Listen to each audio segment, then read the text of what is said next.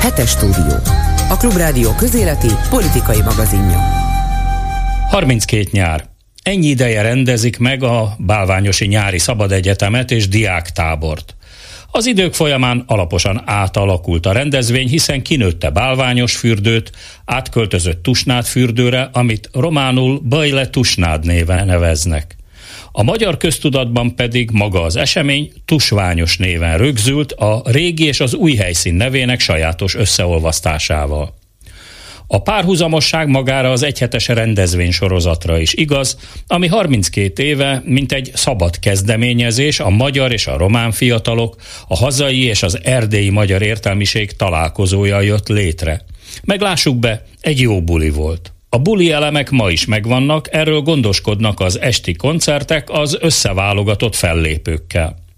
A szabad kezdeményezés és a szabad eszmecsere pedig minden ellenkező állítással szemben ki is kopott a rendezvényről.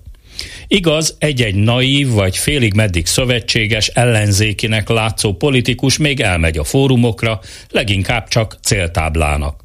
Tusványos már régen az akolmelegről és az ige hirdetésről szól, szervesen beilleszkedett a magyar maffia állam nyári naptárába.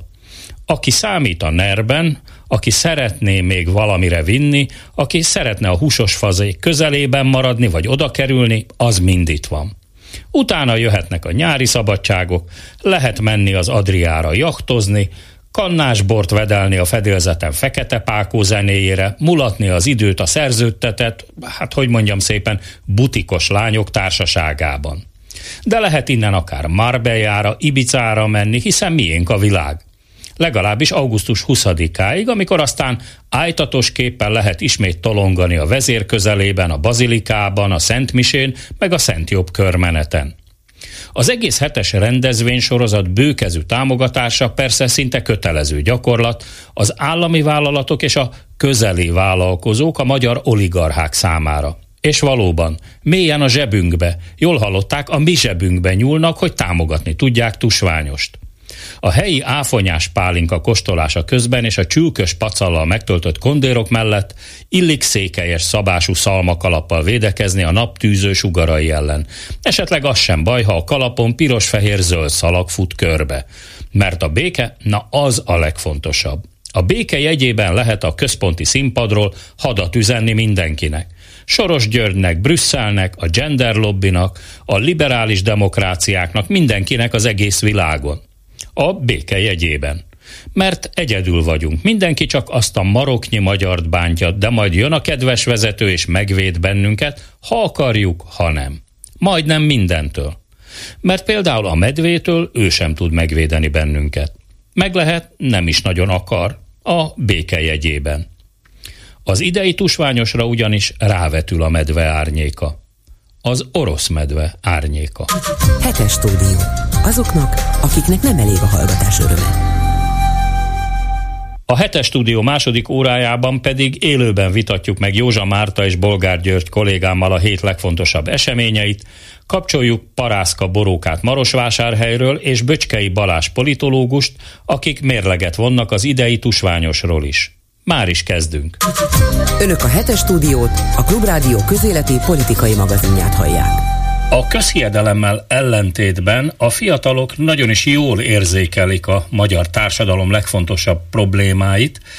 Ez a megállapítás, mint egy mellékterméke volt annak az általános tudományos igényű felmérésnek, hogy vajon milyen hatása volt a fiatalokra, elsősorban a 16 és 29 éves korosztályra a Covid járvány és az ezt követő helyzet. De hogy mik a legfontosabb megállapítások, erről kérdezem Szabó Andreát, a Társadalomtudományi Kutatóközpont Politikatudományi Intézetének igazgatóját.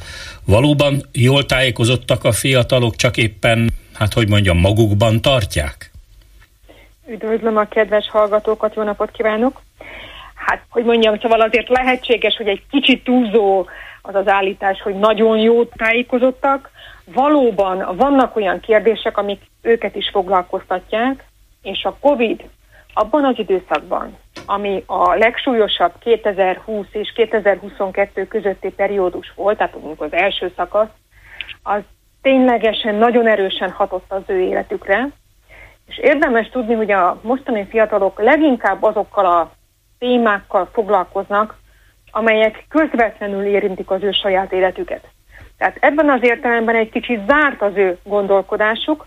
Ha van valami, például mondok egy konkrét példát, az oktatás helyzete, amelyik érinti a középiskolás fiatalokat, azzal nagyon szívesen, nagyon nagy mértékben foglalkoznak, viszont például a fölötte lévő korosztályok, mondjuk az egyetemisták, vagy még, a még idősebbek, 24 fölötti korcsoportba tartozók számára ez már nem közvetlen napi kérdés, és ezért a velük való foglalkozás sem. Tehát ilyen értelemben nagyon racionálisan foglalkoznak a társadalmi problémákkal, csak az, és csak is az foglalkoztatja őket, ami az ő életükre közvetlen hatással bír. Ugye nagyon más azért a fiatalok helyzete meg a idősebb korosztályoké, hiszen mi magunk olyan gyorsan magunk mögött hagytuk a Covid teremtette helyzetet, hogy szinte teljesen meg is feledkeztünk róla, mint hogyha ez nem is történt volna meg, de nekünk a normális, hétköznapi életritmusunk ettől nem változott. A fiatal korosztály számára viszont kiesett két év, ami ahogy szaknyelven szokták mondani, a szocializáció szempontjából borzasztó fontos lett volna, és ők ekkor voltak többé-kevésbé bezárva, bekényszerítve otthonra. Ez milyen változásokat hozott?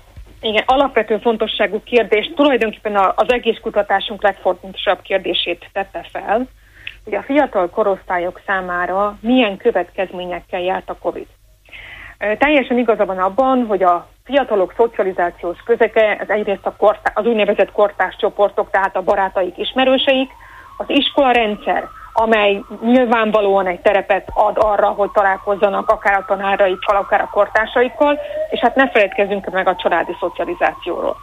Az elmúlt évtizedekben ennek a három fontos úgynevezett ágensnek kialakult egy egyensúlya, amiben nagyjából mindenki érezte, tudta, hogy melyik ángensnek milyen szerepei vannak, de a 2020 márciusában Magyarországon is egyértelműen kitört koronavírus járvány teljesen felborította ezt az egyensúlyt, megváltoztatva a szocializációs ágenseknek a súlyát a család, amely korábban leértékelődött, hiszen a fiatalok egyre több időt töltöttek az iskolarendszerbe, ne felejtkezzünk el az, arról, hogy három éves kortól Magyarországon kötelező óvodába járni, egészen mondjuk az egyetemista életkorig, tehát adott esetben 20-21 évet is az iskolarendszerben töltöttek.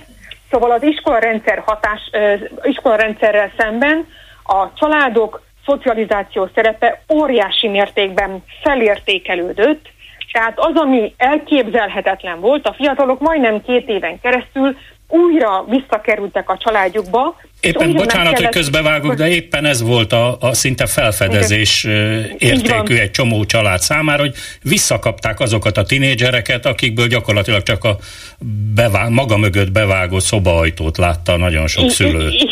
Igen, ezt akartam pontosan mondani, és ez nagyon érdekes következményekkel járt. Azt gondoltuk, hogy ez majd fellazítja a családi kapcsolatokat, és komoly konfliktus forrásá fog válni. Na most az adataink, amelyek egyrészt állnak egy úgynevezett big data elemzésből, vagyis a 2020 márciustól 2022. december 31-ig tartó időszaknak a statisztikai elemzéséből, állnak fókuszcsoportos beszélgetésekből, és áll ebből az úgynevezett törvényvizsgálatból, amiből ön is idézett. Ezek azt mutatják, hogy nem történt meg ez a, baj, ez a bizonyos konfliktus növekedés a családokon belül, valamennyire kisimultak a problémák, és a családok, elnézést a kifejezését, visszafogadták a saját tinédzsereiket, a tinédzserek pedig tényként fogadtak el, hát, hát most akkor ez van, akkor most újra a családunkban fogunk élni, hogy az mennyire történt meg valójában, tehát az együttélés ténylegesen együtt történő élést jelentette, ezt persze nem tudhatjuk, lehetséges, hogy az, az, a bizonyos ajtó, amit ön említett, ugyanúgy becsapódott, csak ez most hosszabb ideig tartott a lakáson belül. Ugyanakkor számtalan kommunikációs felület és csatorna áll a tinédzserek rendelkezésére is, aminek egyébként megvan az a veszélye, hogy ugye ez egy nagyon technicizált dolog, tehát Igen. egyfelől akkor is tudják egymással tartani a kapcsolatot, nem csak akkor, ha valaki Debrecenben van bezárva a szobájába, a másikuk meg Sopronban, hanem akár a világon keresztül bárkivel kapcsolatba léphetnek. Ugyanakkor a viselkedés szempontjából pedig nagyon hiányozni fog nekik a személyes kontaktus, hiszen ezt a technika nincs, az az okos telefon, az a TikTok, Instagram, Facebook, ami ezt pótolni tudná. Teljesen igaza van, és ez volt talán a legfontosabb eredménye a kutatásunknak, hogy a Covid-ból megmaradt úgymond szokásokkal szemben nem a szokások azok, amelyek hosszú távon érvényesítik a hatásukat, hanem az elmagányosodás problematikája. Lényegében egy magányos nemzedék maradt a Covid után, aki bizonyos értelemben elszeparálódott a természetes közösségétől, a barátaitól, és az önáltal technicizálásnak nevezett folyamat egyértelműen nyomon követhető a válaszokból, föl, az éle, egész életüket az interneten keresztül élték, élik és élni fogják, de ettől függetlenül azt nyilatkozzák, hogy nagyon hiányoztak nekik, tehát a múltban is, tehát a Covid időszak alatt is nagyon hiányoztak nekik a barátaik, és nem tanultak meg bizonyos kapcsolattartási szabályokat, hogy hogyan tudnák ezt a két évet pótolni. Egyetemista fiatalokkal készült beszélgetések azt mutatják, hogy nem jönnek létre például az egyetemi közösségek, amelyek mondjuk a későbbi karrier során természetes közekként tudnák őket segíteni. Fölhívom az évfolyamtársamat, az egykori barátomat, hogy most éppen nincs munkám, hát ha ő tud nekem segíteni. Nincsenek évfolyamokon belül, ebben a, e, tehát ebben a korosztályban, akiket érintett a COVID, nincsenek ilyen természetes barátságok, vagy nagyon szoros kapcsolatok, mert egyszerűen kiszakították őket ebből a helyzetből. És ha megengedi, még egy dologra hagyj hívjam fel a figyelmet, és utána átadom a szót. Ez pedig a kisebbek, tehát azok a fiatalok, akiket még nem tudtunk kutatni, csak hipotéziseink vannak, hogy a 2020 és 2022 között 6-7 éves fiatalok, tehát akik akkor tanultak írni, olvasni, azoknak lehetséges, hogy behozhatatlan hátrányaik lesznek, mert az alapvető készségek terén szenvedtek el súlyos problémát. Visszatérve azért az idősebb korosztályra, a munkáltatók nagyon gyorsan rákaptak a Covid alatt a home office-ra, és nagyon sok helyen az otthoni munkát meg is tartották. Tehát a mai 20 és kora 30-asok közül nagyon sokan vannak, akik most hirtelen még magányosabbak lettek, mert nem járnak be a munkahelyre csak egy héten kétszer mondjuk, és ahol lehet, három napot otthon töltenek, hiszen távmunkában nagyon szépen lehet, én nem tudom én, könyvelni, e-maileket megválaszolni, és így tovább. Tehát az ő számukra ez az elmagányosodás műszaki értelemben is folytatódik. Igen, és ennek a politikai következményeit egyelőre még nem látjuk. Ez a fajta elmagányosodás ugyanis társadalmi szintű atomizálódáshoz tud vezetni, magyarán mondva, hogy a társadalom szövetei fellazulnak, és nagyon kevés emberrel kezdenek el ezek a fiatalok kapcsolatot tartani, és ezért olyan hatások, amik a médián keresztül jönnek, sokkal nagyobb mértékben befolyásolhatják őket, mert nem lesznek azok a kortársak, azok a referencia csoportok, amik a média hatásokat kontrollálhatnák, vagy valamilyen módon visszaható lennének a média egyirányú hatásaival szemben. Segítenének Tehát, megszűrni, ugye elválasztani az ocsút a búzától, a fake news-t a valódi hírektől, és így tovább. Pontosan, és ennek nagyon súlyos következményei lesz, lehetnek, nem tudjuk, hogy lesznek de lehetnek, hiszen jobban ki lesznek téve annak, hogy befolyásolja őket a média és a médián keresztül bármelyik hatalom, és most nem kifejezetten csak a magyar hatalomra, tehát magyarországi viszonyokra gondolok, hanem ugye ez a nemzedék ez nem csak Magyarországon alakul ki, hanem szerte a világon, akik megélték ezt a bizonyos Covid két évét. Ez már egy másik beszélgetésnek lesz a tárgya, és ígérem, hogy erre a Klubrádióban egészen biztosan visszatérünk. Szabó Andreának, a Társadalomtudományi Kutatóközpont Politikatudományi Intézete igazgatójának nagyon szépen köszönöm, hogy megosztotta a gondolatait a Klubrádió hallgatóival. Én is köszönöm szépen viszont hallásra. Hetes stúdió. Azoknak, akiknek nem elég a hallgatás öröme. A szószoros értelmében már a bőrünkön is érezhetjük a klímaváltozás hatásait. Ha még voltak valakinek kételjei a globális felmelegedéssel kapcsolatban, akkor azt elfújta az afrikai eredetű forró szél. Olaszországban és Spanyolországban a 40 fok feletti hőség még a nyári meleghez amúgy hozzászokott mediterrán országok lakóit is alaposan próbára tette. Kérdés, hogy tudunk-e és kell-e az egyre pusztítóbb nyári időjáráshoz alkalmazkodnunk. Nekünk embereknek, és az élővilágnak, az őshonos állatoknak és a növényeknek. Erről is kérdezte Bodnár Barna kollégám a szakembereket. Naponta dőlnek meg a melegrekordok, hőhullámok, asszály, árvíz, pokoli hőmérsékletek pusztítanak. És ez csak néhány az elmúlt hetek szalagcímei közül. A meleget persze mindenki érzékeli, azonban az emberek hozzáállása a szélsőséges időjárási jelenségekhez közel sem egységes. Van, aki szerint nincs semmi különös abban, ha nyáron nagy a meleg, mások viszont folyamatosan a klímaváltozás visszafordíthatatlan következményeitől rettegnek. Szakértőket kérdeztünk arról, kinek van igaza, mi az oka az extrém időjárásnak, mi az éghajlatváltozás rövid és hosszú távú hatása globálisan, illetve Magyarországot tekintve, és mi várható az elkövetkezendő években. Dr. Kovács Erik, a Klímapolitikai Intézet vezető kutatója szerint túlzás az emberiség közeljövőbeli kihalását vizionálni, azonban az éghajlatváltozás nagyon is valós és súlyos probléma, amit nem hagyhatunk figyelmen kívül. Valóság az valóban pont középen helyezkedik el, tehát se nem lesz vége a világnak, nem fog kihalni az emberiség, meg a növények, meg az állatok nem fognak kipusztulni, de viszont az sem igaz, hogy régen ennyire erősek lettek volna a kánikulák. Például az 1980-as évekig, 70-es, 80-as évekig olyanról, hogy hőhullám gyakorlatilag nem is hallottunk. Tehát nem volt. Utána jelentek meg ezek a nagyon erőteljes hőhullámos napok, amikor ugye maga a napokon keresztül 27-30 fok fölött van a napi átlag hőmérséklet. Tehát nem a legmagasabb, hanem az átlag hőmérséklet. Ez régen nem volt jellemző, most pedig már 10-15 nap. Ott is előfordul, különösen a dél-keleti részben, tehát az alföldi területeken ez már teljesen jellemző. És ami nagyon fontos, hogy a hőhullámok nem csak, hogy egyre több van belőle, hanem egyre intenzívebbek. Tehát egyre magasabb az átlaghőmérséklet, illetve egyre magasabb az éjszakai hőmérséklet is, ez azt jelenti, hogy egyre gyakoribbak a trópusi éjszakák. Ez egyébként az elmúlt kb. 30 évben olyan, hát nem 150-200 százalékkal növekedett a számuk.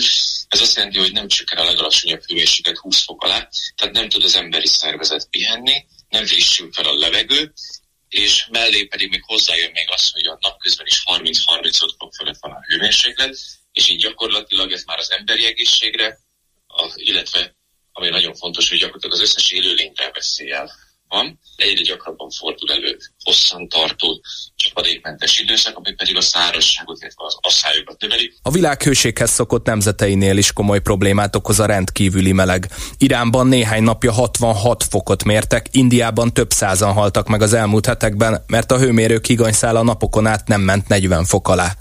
Egyes helyeken a hőség miatt iskolákat zártak be, de a meleg megrongálta a termést is, illetve nagy terhet rótt az ország energiaellátására is, mivel akiknek lehetősége van rá, azok a klimatizált épületekben keresnek menedéket. A szakértő szerint az ehhez hasonló és egyre súlyosbodó körülmények miatt egyre többen fognak elvándorolni a legnehezebb helyzetben lévő országokból. Mindenféleképpen elvándorlásokat fog ez majd eredményezni. Például Észak-Indiában a maximum hőmérsékleteknek a, az átlaga, tehát a legmagasabb hőmérséklet átlaga az elmúlt 30 évben több mint 6 fokkal emelkedett, de hasonlóképpen ilyen nagyon drasztikus emelkedés történt egyébként a közel-keleten, Afrika egyes régióiban is.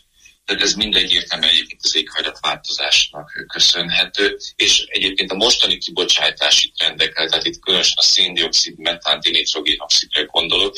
Ebből is most, hogyha rövid távon a metán és a dinitrogénoxid gyors melegítő hatását nézem, akkor az látható, hogy maga ez a folyamat nem az, hogy mérséklődni fog a következő egy-két-három évtizedben, hanem tovább fog egyébként gyorsulni. Hosszú távon pedig ugye az egyre nagyobb szindioxid kibocsátás, amit egyébként Kína, az Egyesült Államok, Oroszország, illetve India, pont, hogy ők produkálják, ahol egyébként a leginkább érintettek egyébként magában. klíma megváltozásával kapcsolatban, a negatív hatásaival kapcsolatban, ők a legnagyobb kibocsátók, nem nagyon csökkentették eddig a kibocsátásokat, sőt, Kína egyébként évről évre egyre nagyobb mennyiségű széndiokszidot pumpál ki, ez pedig majd már hosszú távú évtizedeken keresztül egyre negatívabb hatással lesz, Intenzív hosszantartó hőség söpör végig Európán, és 48 fokot is elérő rekordhőmérsékletet okozva. Cerberus, a görög mitológia szerint az alvilág kapuját őrző többfejű kutya a névadója annak a hőhullámnak, ami miatt Görögország néhány órára még az Akropoliszt is lezárta a meleg miatt. Olaszországban pedig Karon miatt rendeltek el 15 városban vörös színű, legmagasabb fokozatú hőségriasztást. Rómában 41,8 fokkal megdőlt a tavalyi melegrekord. Ez kicsit vissza kell menni az időbe 2003-ban, akkor volt az első ilyen nagy kontinentális, az Európában ilyen nagyon nagy kontinentális hőhullám, azt a Lucifer nevezetű hőhullám okozta. Az több mint beszésig szerint több mint 200 ezer ember halálát okozták, de az egyébként a kontinensnek a nagy részét érintette. Ez a mostani, ez a mediterrán térséget érinti, és azért adnak most már egyébként a hőhullámoknak is már nevet, és annyira intenzívek és annyira gyakoriak, hogy ugye a későbbiekben ezeket meg kell majd különböztetni egymástól.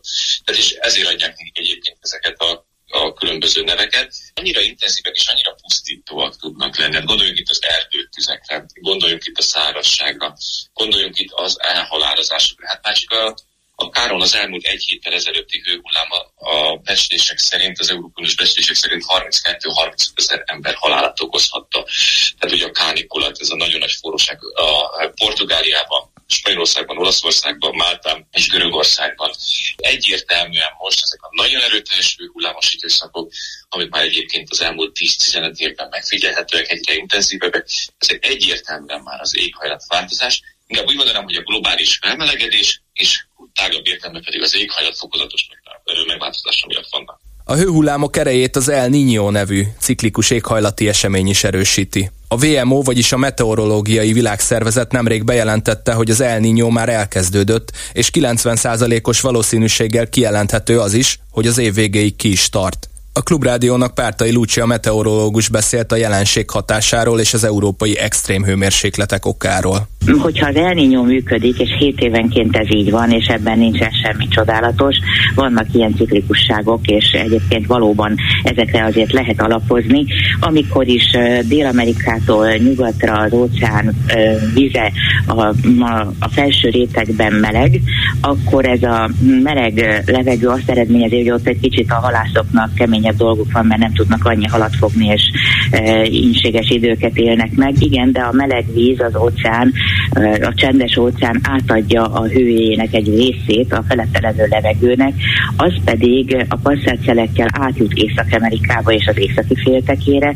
Ilyenkor Amerikában enyhébbek a telek, kevesebbet kell fűteni, és elmondhatjuk, hogy az európai kontinens délkeleti felében van nagyon meleg, azért, mert az északnyugati felében viszont több középponttal ciklon örvénylik, és ebben frontok húzódnak, és mint hogy normális, hogy az északi sarkról hidegebb levegő tud leszűrődni a ciklonban lévő áramlással, az északi sarki hideg levegő most leszűrődik a brit szigetek északi része fölé, Skóciában a maximum 12 fok körül volt, Párizsban 24 fok volt a maximum, és a, a skandináv félszigeten 17 fokokat mértek, ennél nem volt magasabb hőmérséklet, és ez mindez azért van, mert a ciklon ott törvénylik, de nem tud egyelőre keletebbre haladni, ahogy ez normális. Kelet-Európában és Dél-Európában is magas a légnyomás, és a magas légnyomás nem tudja az alacsony légnyomás kibillenteni. Vissza Magyarországra.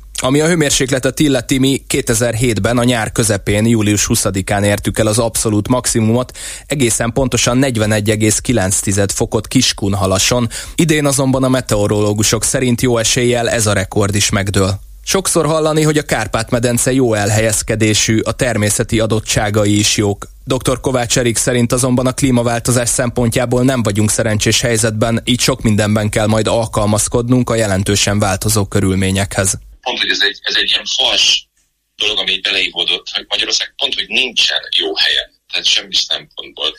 És egyrésztről az, hogy ugye körbeveszi három nagy hegység, a Kárpátok, az Alpok, illetve a Dinaritány, egy medence területen fekszik. Ez egy nagyon rossz dolog, mert ami például lebúlik csapadék, annak a 90%-a át, átmegy magán az országon. Ez egy nem jó fekvés.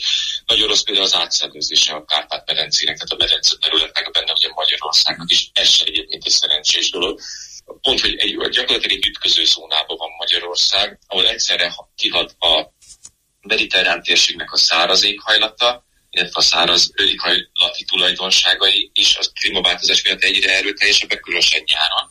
Télen egyre erőteljesebb az óceáni hatás, ami pedig ugye azt eredményezi, hogy csökkennek a fagyos napok, a zornapok, illetve a téli napoknak a száma, ez pedig ugye maga mezőgazdasági problémákat okoz, illetve hát egyre kevésbé a kontinentalitás is egyre kevésbé érzékelheti hatását, például a nyári mediterrán hatás miatt, pedig ugye az egyik legnagyobb fontos negatív hatás, hogy például csökken maga a talaj vízszintje, ami megint csak hosszú távú problémákat fog okozni. Egyre több felszíni felszín alatti víztározóra lesz szükség. Olyan területeken kell majd például egyes gabona növényeinket termeszteni, ahol korábban ez nem fordulhatott elő, vagy nem nagy mennyiségben történt. Például az Alföldről az egyes kevésbé szárazságtűrő fajtákat, például a kukoricát át kell vinni majd a Dunántúlnak a nagy részére, vagy éppen megjelennek majd új fajták, ilyen lesz majd a cirók, ami ugye helyettesítheti majd a kukoricát.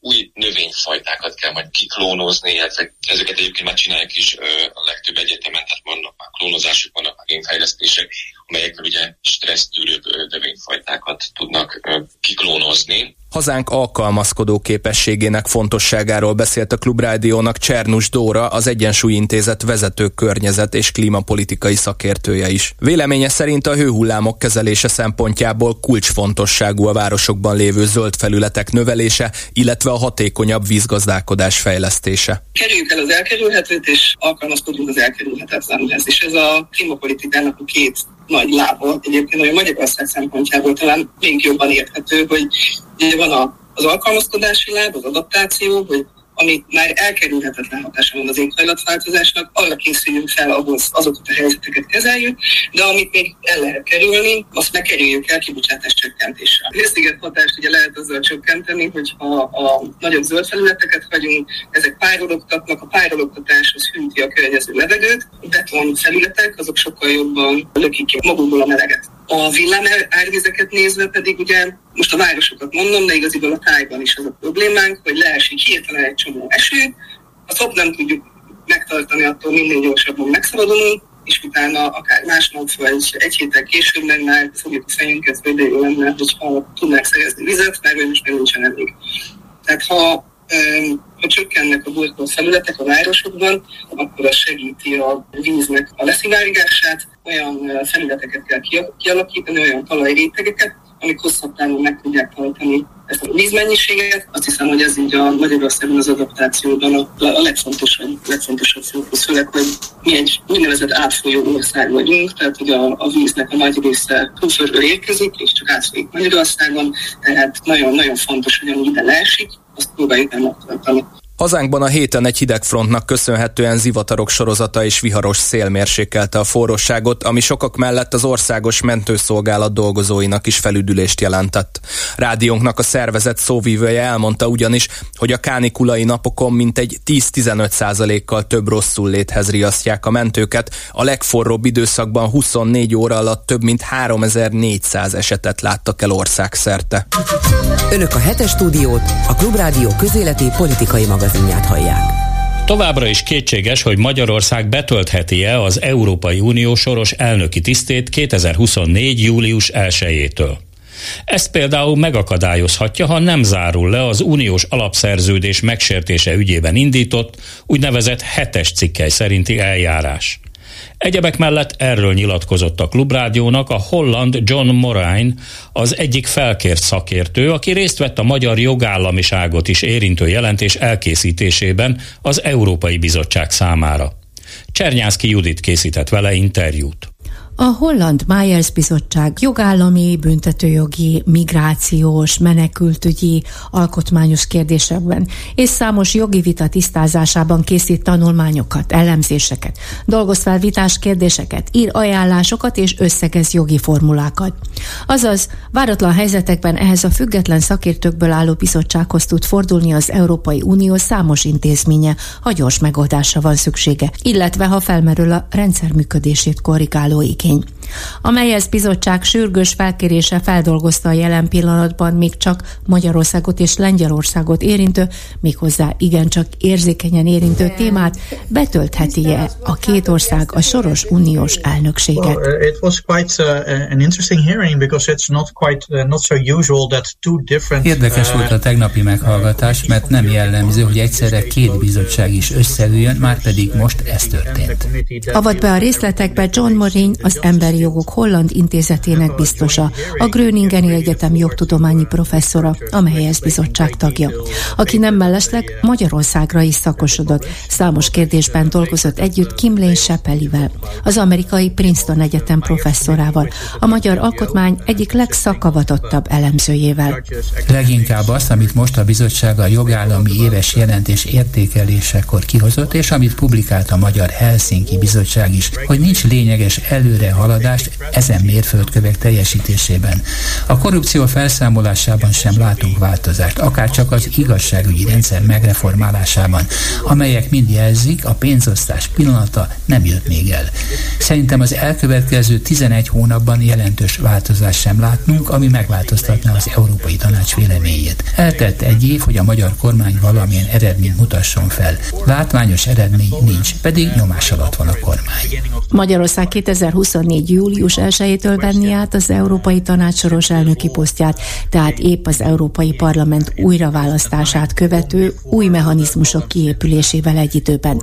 Míg Lengyelország utánunk következne a rotációban 2025. januárjától. Az elnökség betöltésének kritériumait vizsgáltuk át többek között a hetes cikkelyes eljárás szempontjából, amelynek mindkét ország az elszenvedő alanya. Megnézzük annak aspektusát is, hogy jelen pillanatban továbbra is blokkolva van az uniós alapok nagy része, szintén mindkét országban a jogállami feltételrendszernek való megfelelés hiány. És természetesen nem büntető szándék vezérel minket, amikor ezeket a kérdéseket vizsgáljuk, hanem az, hogy segítsük az Európai Tanács munkáját, hisz a soros elnökséget betöltő ország ennek irányítását veszi át fél évre, miközben a tanács által szabott jogi, illetve jogállami keretek között kellene működnie az adott országnak. Ha a tanács által megszabott jogi működési kereteknek nem felel meg az elnöklő ország, akkor hogyan tudná teljesíteni annak elvárásait? Melyek a konkrét akadályok, amelyek meggátolhatják hazánk soros elnökségi posztját? Óriási feszültséget látunk a tanács által elvártak és a lehetséges teljesítések között.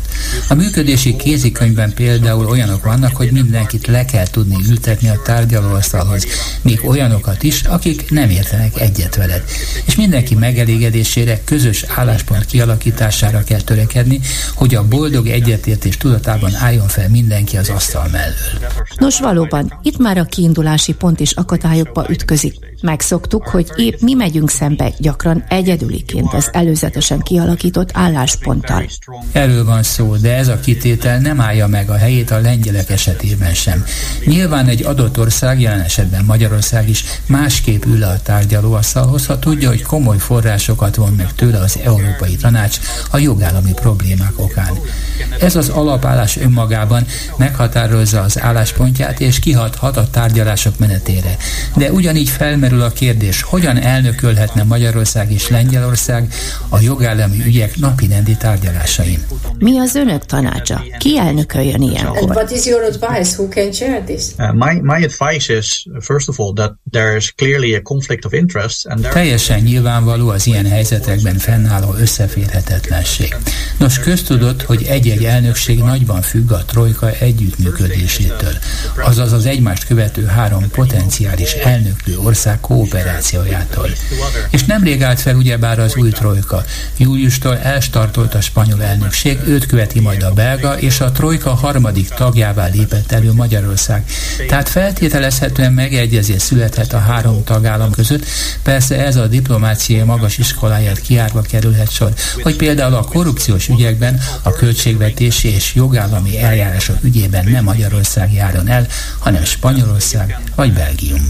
Jól érzékelem, hogy alapjáraton nem ellenzi a magyar elnökség betöltését, mert vannak alternatív megoldások egy-egy érdekellentét vagy összeférhetetlenség kezelésére. Uh, uh, uh, Ezeket inkább áthidaló megoldások megoldásokként írnám le. Mi azonban az elnöki rotációra vonatkozó szabályrend megváltoztatását javasoljuk, miszerint azonban csak az a tagország javasolhatna agendát, amelyik ellen nem folyik hetes cikkes eljárás, és amelyik nem tárgya a jogállami kritériumrendszer vizsgálatának. Ehhez kétharmados többség kellene? Nem akarom a hallgatókat fárasztani a technikai részletekkel, de egy ilyen horderei jogszabályi változtatás esetén a parlamentnek és az Európai Tanácsnak az egyetértésére és valóban a kétharmados többségére van szükség. Az Európai Bizottság általában véleményezi a helyzetet. Megjegyzem, ez sokkal engedékenyebb, képlékenyebb jogi formula, mint például a hetes cikkes eljárás, ahol ugyebár mind a mai napig szükség van az egyhangú szavazati eredményre. Hangsúlyozni szeretném, nekünk semmi problémánk nincs se a magyar, se a lengyel állampolgárokkal, de az tény, hogy jogsértések tömbkeregét detektálták a döntéshozók. Ezért kizártnak tartjuk, hogy mindezek tudatában úgy elnökölhessenek, hogy szembe mennek az uniós intézmények jogrendjével, vagy esetleg csak megkérdőjelezzék azt. Egyelőre egyik őket sem tekinti ebben a tekintetben a többi tagállam megbízható partnernek, és félő, hogy képtelenek lesznek az EU érdekeit szem előtt tartani. Ahogy önt hallgatom, tulajdonképpen már is késésben vagyunk. Elkezdett dolgozni a trojka. A munka úgy tűnik, mintha normális mederben folyna. Pedig hát az idő sürket, hiszen már most érdekeket sérthet a két kormány az ügyekbe való beleszólás jogán. After, after your paper. Yeah, no, it, it, of course it's uh, short. Uh, we, we, a short timeline. Uh, we Nézze, mi hat hete letettük az asztalra a javaslatunkat. Megjegyzem, egyik eddigi javaslatunk sem ért el azt az inger küszöböt, amit most ezzel kiváltottunk. 20 tagállam érezte már a támogatását, és folyamatosan kapjuk a kiegészítő, módosító javaslatokat. Nem beszélve arról, hogy ennek nyomán az Európai Parlament már el is fogadott egy határozatot nagy többséggel június elején, miszerint nem támogatja az ismert körülmények között a rotációs elnökség magyar átvételét. Példaként a Brexitet tudom felhozni. A referendum után 11 hónappal született meg hasonló körülmények között a döntés arról, hogy a soros elnökséget betöltő Egyesült Királyság ezt a posztot nem töltheti be többé. Hatszor fordult egyébként elő hasonló eset, amely a rotációs elnökség működését megváltoztatta. Tehát úgymond nem precedens nélküli a most várható törvényi módosítás. Tehát jogi keretek között a mostani változtatás könnyűszerrel átvihető. Ehhez alapvetően politikai döntése van szükség. Úgy látom, Brüsszel nem akar szembe menni a saját jól felfogott érdekével, a saját maga a követelményrendszerrel, hiszen az uniós költségvetést is kompromitálják a be nem váltott ígéretek. Mi tudható jelenleg az úgynevezett 27 szupermérföld, a jogállami 27 feltétel teljesítéséről? Hungary does comply with that? It, it seems that if you read the most recent uh, rule of law report... Leginkább az, amit most a bizottság a jogállami éves jelentés értékelésekor kihozott, és amit publikált a Magyar Helsinki Bizottság is, hogy nincs lényeges előrehaladás ezen mérföldkövek teljesítésében. A korrupció felszámolásában sem látunk változást, akár csak az igazságügyi rendszer megreformálásában, amelyek mind jelzik, a pénzosztás pillanata nem jött még el. Szerintem az elkövetkező 11 hónapban jelentős változást sem látnunk, ami megváltoztatná az Európai Tanács véleményét. Eltett egy év, hogy a magyar kormány valamilyen eredményt mutasson fel. Látványos eredmény nincs, pedig nyomás alatt van a kormány. A hetes cikkelyes eljárás viszont legyőzhetetlen akadályt jelenthet, hisz ott továbbra is egyhangú szavazásra van szükség, ami Lengyelország miatt soha nem lesz meg. Tehát soha nem áll fenn az a helyzet, hogy egyrészt a hetes cikkely alapján szankcionálják Magyarországot. De persze reformok hiány ex-lex állapot alakul ki. Nézze, amikor a hetes cikkeit megfogalmazták, senki sem gondolta volna, hogy két tagország is kerülhet hasonló helyzetbe. Ugyanakkor ősszel választások lesznek Lengyelországban, így van esély ennek az abszolút helyzetnek a feloldására. Ez persze azt is jelenti, hogy Magyarország izolálódni fog, ha nyer a lengyel ellenzék.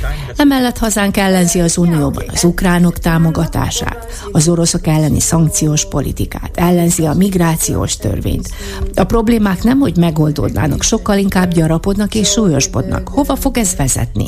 Nem vagyok a kristálygömb birtokában, de hisz épp erről van szó, hogy még a migrációs politikában sem tudja Magyarország az EU érdekeit képviselni az elnökség idején. Nem bízhatunk abban, hogy nem viszi épp az ellenkező irányba a szabályozást, mint ahogy az Brüsszel érdekében állna.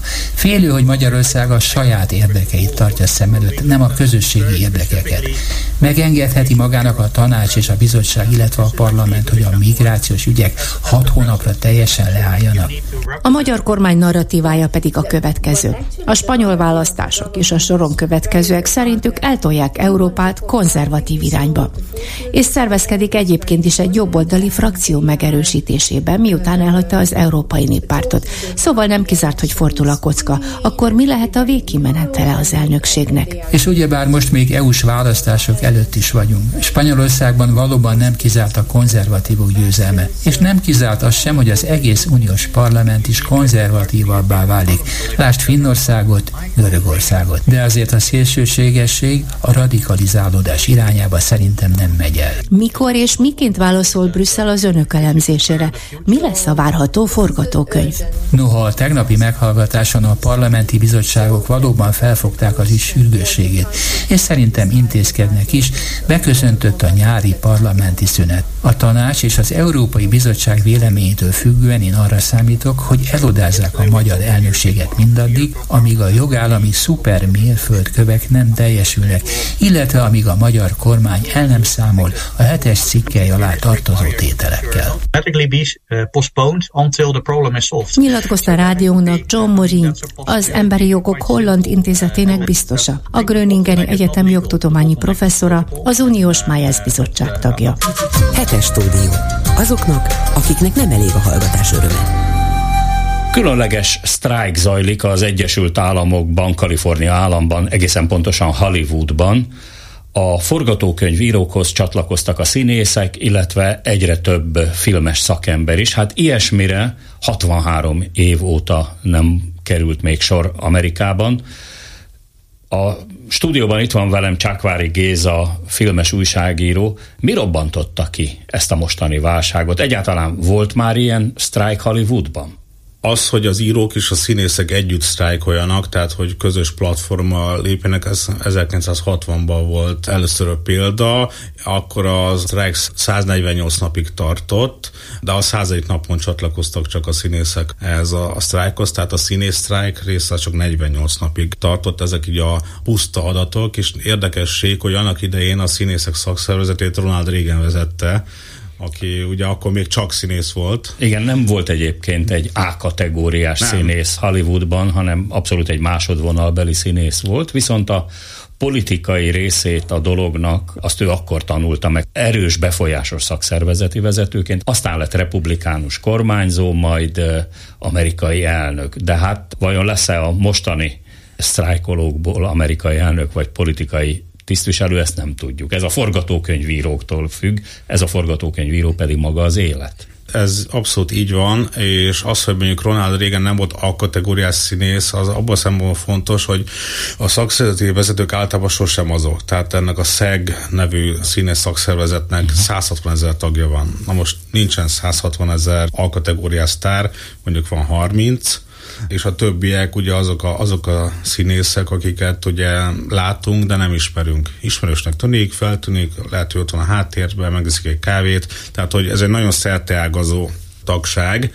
Az, hogy mondjuk ki lesz politikus és ki nem, nekem erre a legjobb példám az Arnold Schwarzenegger. Ugye ő azért nem indult amerikai elnökként, hogy Mert nem... hát ő nem amerikai születésű, ezt pedig az alkotmány kimondja. Így az van. egyetlen köztisztviselői poszt Amerikában, amit született amerikai tölthet csak. De én, de én abban teljesen biztos vagyok, hogyha a Schwarzenegger ezt akarta volna, akkor azt az alkotmánynál lehetővé tették volna, csak nem akar. Uh, hát minden esetre most azt mondták neki, hogy azt a vista baby, elnök nem lesz belőle. Igen, igen. Ugye nagyon sokat hmm. beszélnek arról, hogy George Clooney hmm. lehetne amerikai elnök, szerintem neki... What ne... else, ahogy ugye a reklámban hangzik igen, el, de egyébként, mi más? De egyébként szerintem neki meg is lenne a, a képessége, hmm. a, az esze és a gyakorlata is hozzá. Egyébként ő, ő nagyon nagyon sokoldalú hmm. valaki, édesapja újságíró volt például. De térjünk vissza ehhez a mostani Mission Impossible-hoz, hogy vajon meg tudnak-e egyezni a filmes szakemberek és a nagy stúdiók, és hát különösen a streaming szolgáltatók. Mi a vita tárgya? Hát alapvetően a pénz az első. Ugye bár azt mondják a színészek, hogy egy elképesztő kapzsi iparágnak ők a láncem végén lévő kihasznált elemei, és ez főleg a streaming, pontosan a streaming szolgáltatóknak a, a térnyerése miatt van, mert amíg ugye a, a mozik voltak a főbevételi források, és utána jött a home videó, mind a kettő esetében pontosan lehetett nyomon követni, hogy hol tart a nézettség és az összeg. Tehát, hogy a hány darab mozinéző, az hány dollár bevételt hozott, Amerikába, és aztán majd külföldön. A nemzetközi forgalmazásba. Sőt, a nemzetközi forgalmazás is csak a 80-as évektől kezdett ugye egyre fontosabbá válni, illetve utána a home videó terén is pontosan lehetett látni, hogy hány darab VHS-t adtak el, hány darab DVD-t adtak el, hány darab Blu-ray-t, hány, darab, hány darabot kölcsönöztek ki, ugye ma akkor még működtek ezek a kölcsönző dolgok, és aztán amikor jött a, a streaming stúdióknak a térnyerése, ugye ők már gyártók is, terjesztők is, forgalmazók is, minden. És Tehát... a legnagyobb baj velük, ha jól tudom, az, hogy a Pentagon hadititkainál is jobban őrzik azt, hogy hány letöltés volt, hogy hányan nézték meg, hány előfizető van, és hogy hányan néztek meg egy-egy filmet, egy-egy epizódot. Pontosan, tehát, hogy alapvetően nem, senki nem tud semmit, a, ahogyan például a negyedéves ugye ilyen kötelező üzleti adatokat közönek csak nézettségről szó sincs sehol, előfizetők számáról talán szoktak néha valamit érvelni, de például, hogy ez mennyire kényelmes helyzet, például én próbáltam megtudni, hogy a Magyar Filmió ugye ami a Nemzeti Filmintézetnek a, a streaming szolgáltatás volt, hány előfizető van, és ott arra hivatkoztak, hogy nem árulják el, majd a Netflix sem mondja meg. Tehát, hogy ez egy ilyen, ez egy ilyen nagyon jó bevett gyakorlat lett, tehát igen, tehát hogy itt az első leg, legesok a, a pénz, hogy szeretnének több részesedést, több royaltit, a jogdíjat azt, szeretnének Így van, kapni. így van, így van, így van. Ez egy nagyon érdekes jogi kérdés, és ez, ezt nem hiszem, hogy ezt egy nap alatt fogják rendezni, hogy, hogy teljesen beadják a, a törölközőt a stúdiók, vagy a színészek, mert ugye egyébként az csömbbe meg lehet jegyezni, hogy a rendezők megegyeztek a producerekkel, tehát a rendezők nem fognak sztrájkolni, a rendezők dolgozni szeretnének. Ha más nem, akkor majd dolgoznak nem szeg színészekkel, európai sztárokkal hasonló, tehát ezt, is, ezt is én egy lehetőségnek tartom. Illetve a másik a mesterséges intelligenciának a jelenléte, amit... Épp ezt akartam kérdezni, hogy ugye ez a másik nagyon fájó pont, és pont a Covid idején derült ki, hogy akár mesterséges intelligenciával, úgynevezett CGI-jal, tehát Computer Generated Image-jel, vagyis számítógép által előállított képpel pótolni lehet távol levő színészeket. Tehát ma már a technika ezt lehetővé teszi. Ugye beállítják a színészt egy napra, elkészül az arcfelismerő szoftver, és gyakorlatilag nem nincs rá tovább szükség. Így van. És ha megnézzük, hogy hol tart a mesterséges intelligencia, akkor a legújabb Indiana Jones-t kell, kell megnézni, ahol ugye a fiatal Indiana Jonesnak a jelenetét, ugye mert film elején van, a más világháborús vonatos uh-huh. akció szekvencia, abba a mesterséges intelligencia alkotta meg a fiatal Harrison Fordot. És... Tehát még dublőrre és kaszkadőrre se lesz szükség, ha minden igaz, pedig ugye pont ez a két legerősebb szakszervezet Hollywoodban, a kaszkadőröké, meg a pirotechnikusoké, mert minden robban és mindenki ugrik. Igen, és lassan mindent lehet pótolni uh-huh. digitális módon. Ugye vannak, vannak ezeknek a folyamatoknak nagyon híres és befolyásos ellenzői, például ott van a, a Christopher Nolan, aki most a Oppenheimer című filmmel jelentkezett, tehát ő legendásan az analóg technika híve, ő nem használ CGI-t, állítok az Oppenheimerben, meg a Dunkirkben se használtak semmiféle CGI-t, mindent megépítettek, vagy Bérelték a repülőgépeket Így van. A, a múzeumoktól, amelyek repülőképesek voltak.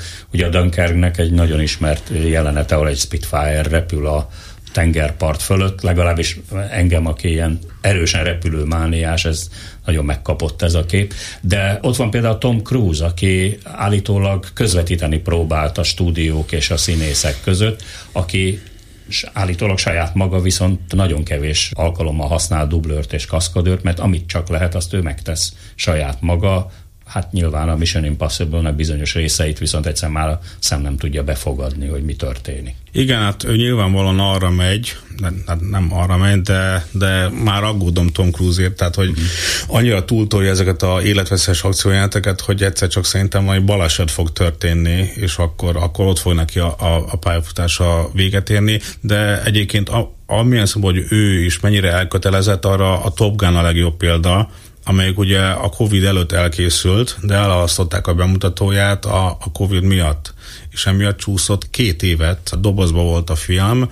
Már azért, hogy az emberek bemenjenek a moziba, és ott ugye Dolby Stereo, hatalmas képernyőn, és már IMAX, Igen. a sok csatornás hang hasonló. Tehát hogy, tehát, hogy, tehát, hogy igen, ő azt mondja, hogy ő csak és kizárólag mozira készít filmet, és amíg ő él, vagy ő, amit ő produkál, ugye az első Mission Impossible óta ő saját maga a gyártó cége, tehát a, a Cruise Wagner Productions csinálja ezeket a, ezeket a fantasztikus műveket, tehát hogy, tehát, hogy ezt így Kámba is elmondta, hogy az, hogy ő streamingre első, első körben adja a mhm. filmét, olyan soha nem fog megtörténni. Ő megpróbálja ezt a, ezt a mozis élményt életbe tartani, de hát ő azt kell, hogy mondjam, ő egy, ő egy ilyen, hát hogy mondjam, ő is, meg a Nolan is azért egy ritkaság, ritkaság igen. Tehát, hogy a, hogy a 160 ezer tag, aki mondjuk a színész szakszerűben van, hát, az nem feltétlenül a Tom Cruise-ra kell gondolni hm. ebbe az esetben. Mit fogunk ebből mi streaming fogyasztók és moziba járó emberek tapasztalni, mert most állnak a forgatások, már pedig egy-egy filmforgatásnak rendkívül pontos menetrendje van. Előfordulhat, hogy jövő nyáron kevesebb bemutató lesz? Előfordulhat, hogy most össze kevesebb bemutató lesz. Ugye itt ez, ez egy kétélű dolog. Tehát azt, hogy most leállnak a forgatások, az, az hosszú távon, tehát mondjuk jövő ilyenkorra lesz kihatás, amikor ugye elfogynak a, az elkészült filmek. Most közvetlen közeli bemutatóknál viszont más a veszély. Az, hogy például ugye a színészek nem vannak semmiféle promóciót, az azt jelenti, hogy a stúdiók elgondolkoznak azon, hogy egyetem bemutassák a filmeket promóció nélkül, van-e értelme, mekkora veszteséget generálna az, ha bármiféle ugye olyan reklám nélkül, mert ugye az is egy reklám, hogy mondjuk bemegy a Jay Leno showba a, a kategóriás filmsztár is ott elhülyéskedik, és azt utána a világ összes ugye, médiummal megírja, hogy ott mit mondott. Ha ezek nincsenek, akkor itt el fognak gondolkozni azon, hogy akkor eltolják a bemutatót, és szerintem egy ilyen Covid-hoz hasonló halasztási hullámot is okozhat ez a sztrájk, ami viszont ugye elképesztően veszélyes a teljes őszi díszszezonra. Tehát ugye szeptemberben indul a három ugye nagy Oscar és díszszezon indító fesztivál, a Velencei Filmfesztivál, a Torontói Filmfesztivál és a Telluride Filmfesztivál. Na, én pont most tudom, hogy a stúdiók azon gondolkoznak, hogy már előír a szaksajtó folyamatosan, hogy akkor mi lesz Velencével ahol ugye rengeteg amerikai stúdiófilm szokott lenni, rengeteg Netflix film, hogy hogy lesz a program. Rács mögött marad az arany oroszlán, nem lesz, akinek odaadják. Hát majd odaadják eh, valami, ahogy mondjam, most egy ilyen uh, grúz művészfilmnek, uh, most, hogy, hogy, hogy mondjak egy, egy példát, de ugye azt már tudjuk, hogy a nyitófilm... Esélyesebb ugye, lesz az aranybulla. Hát Ja, az semmire. hát ez az rossz vicc lenne. Az csak a magyar filmdiakon tud esélyes lenni, de azt csak kapta meg. A nyitófilm már tudjuk, hogy a, az marad a nyitófilm, a Luca Guadagnino-nak az új film, de azt pontosan tudjuk, hogy semmilyen színész nem lesz a vörös szőnyegen. Tehát ha már így indul a fesztivál, hogy nincs a vörös szőnyegen sztár, nagyon érdekes, hogy a, a fesztiválnak a többi részével mi lesz. Ugye az Alberto Barbera is azt mondta, hogy ezekre a újsági kérdésekről, hogy meglátjuk. Na most ez a meglátjuk, ez, ez most 25-én kedden lesz, amikor állítólag bejelentik a, a velencei versenyprogramot. Na most ez egy nagy kérdés, hogy a, hogy a teljes programot jelentik be, vagy lesznek kérdőjelek, tehát hogy itt eldőlnek a dolgok, vagy még sakkoznak esetleg augusztusban, hogy véget ér ez a sztrájk. Biztos vagyok, hogy a Velencét megrendezik, mert hogy egy európai fesztivál is föl lehet tölteni nemzetközi művészfilmekkel, meg a bejelentették, hogy Gina Lollobrigida lesz a fősztár, aki ugye benne legyen. Viszont ha itt nincsenek sztárok, nincsenek bemutatók, akkor ez megint egy csonka év lesz, tehát az első fél évnek a, a filmjei mehetnek majd erre az Oscar versenyre, és kérdés az, hogyha ez a sztrájk eltart, az első fél éves filmeknek a szereplői se fognak promócióban részt venni, innentől kezdve egy Oscar díj kiosztó és kérdéses lesz, ha nem mennek el a színészek vajon akkor azt megtartják, vagy elhalasztják, amíg véget ér a sztrájk, mondjuk átmegy a Oscar díj kiosztó a jövő májusra. Tehát, hogy ezek olyan dominó elvek indulnak meg, tehát, hogy az, hogy a mozinéző ez hogy érinti, tehát ezek ez ilyen iparági folyamatoknak a, az eredménye lesz. Magyarán több a kérdője egyelőre, mint a válasz. Csákvári Géza filmes újságírónak nagyon szépen köszönöm, hogy beszéltünk erről a hetes stúdióban. Nagyon szívesen.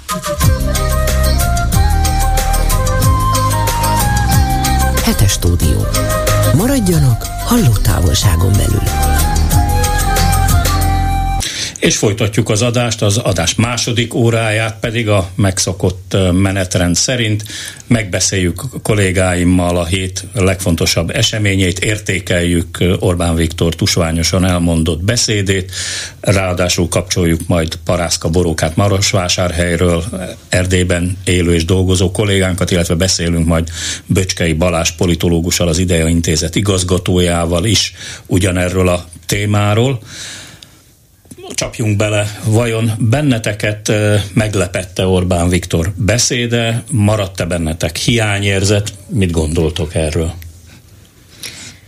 Nehéz erről mit mondani, mert ugye az ember mindig valami fajta várakozással tekint arra, hogy megint bedob valami olyan követ, ami fel fogja kavarni a vizet. Ez a kő szerintem nem lett bedobva, a legfenebb apró kavicsokat haigáltott bele tusványosan. Az látható, én néztem a televízióba és nem hallgattam, az látható volt, hogy a rajongó tábora az ájult örjöngéssel nézte őt.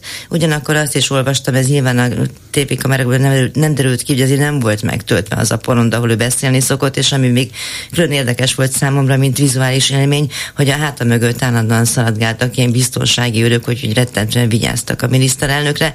Ami a beszéd tartalmi részét illeti, hát nyilván beszélünk majd róla, én három elemet, vagy három részre mondanám szét, egyfelől a, a román külügyminiszternek adott válasza, és az abból következő dolgok, másfelől a hát ilyen nemzet, vagy világpolitikai patchwork, amit sikerült összeolózni a különböző ideológiai művekből, és a harmadik pedig az, hogy hát semmire nem várhatunk itt Magyarországon, úgyhogy igen, lényegében semmit mondta. Gyuri? Egyetértek Mártával, valóban nem mondott olyat, amitől az egész világ hirtelen kiakadna, aztán lehet, hogy majd kezdik elemezni, és Kiakasztják. A, igen, igen, és akkor rájönnek, mm. hogy azért volt itt mondani való, de olyat, hogy demokrácia olyan már nincsen, nem mondja, vagy nem mondta azt, hogy az Európai Uniónak vége, béke poraira, de azért valami hasonló, talán nem ennyire határozottan, mégiscsak, ha nem is az Unióról, de az Egyesült Államokról.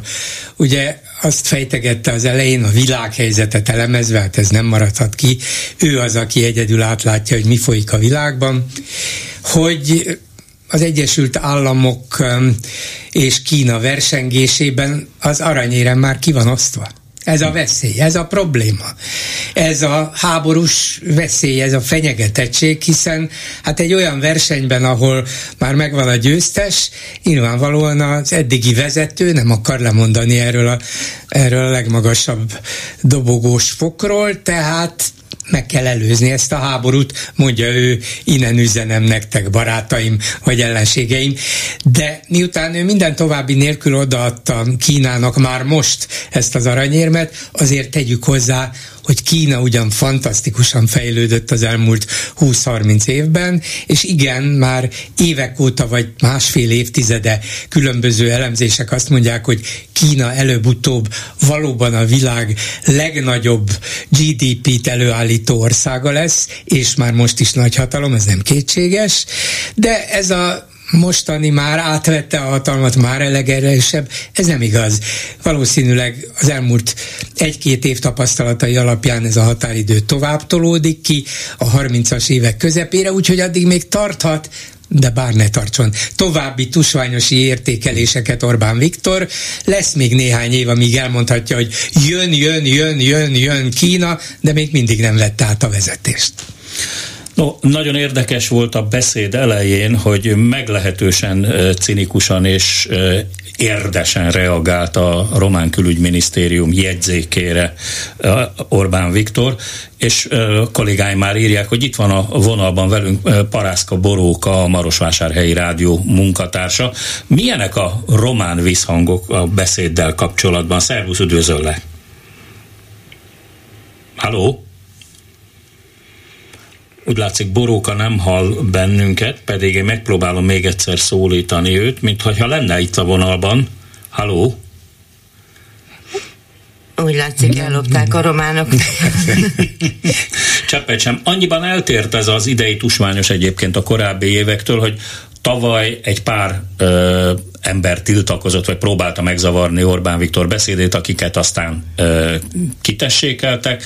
Most viszont lényegesen többen tüntettek román zászlóval már a bejáratnál. Erre egyébként reagált is Orbán Viktor a beszéde elején. A román nem... hadakra úgy hivatkozott, ugye? Igen, de hát egy pár tucat ember ott valóban román zászlókkal tüntettek. Tényleg nem, nem tud más terminológiát, más fogalmakat Igen, használni. Ha néhány tucat ember tiltakozni merészel ellene, most mindegy, hogy milyen okból, uh-huh. akkor már a hadakat kellett legyőznie.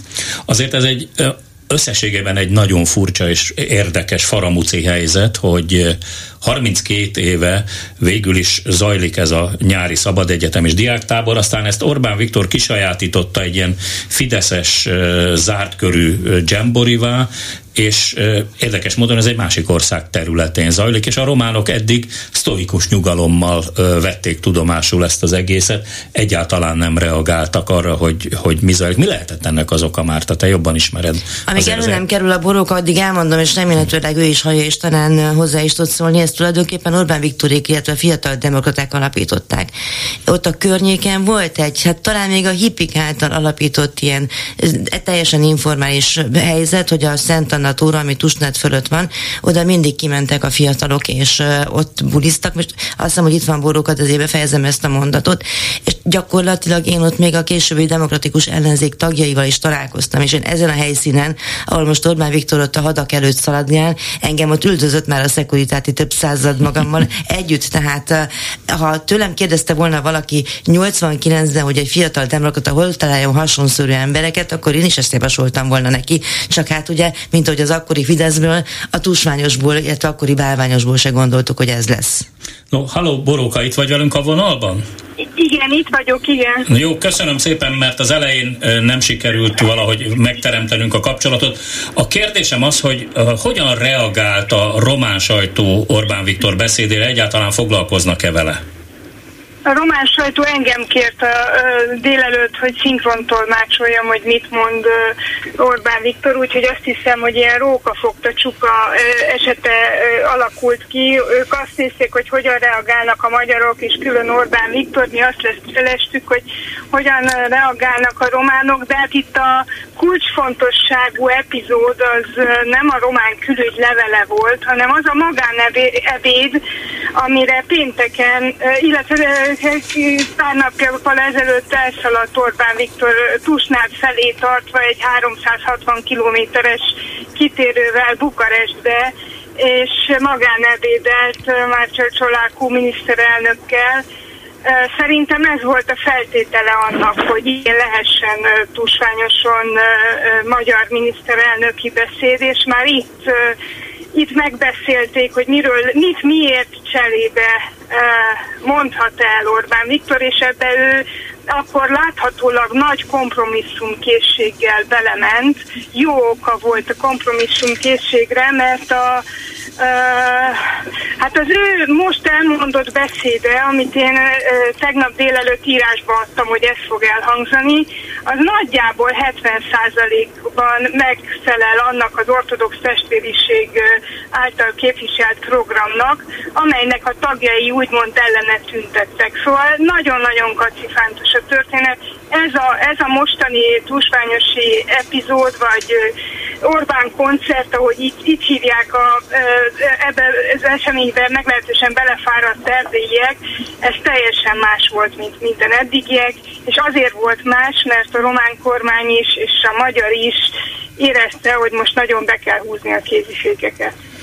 Ugye azért Orbán Viktort az legendás diplomáciai érzéke nem hagyta cserben, mert azért csak odavágott egyet a románoknak azzal, hogy amióta ő a miniszterelnök, immár ez a 20.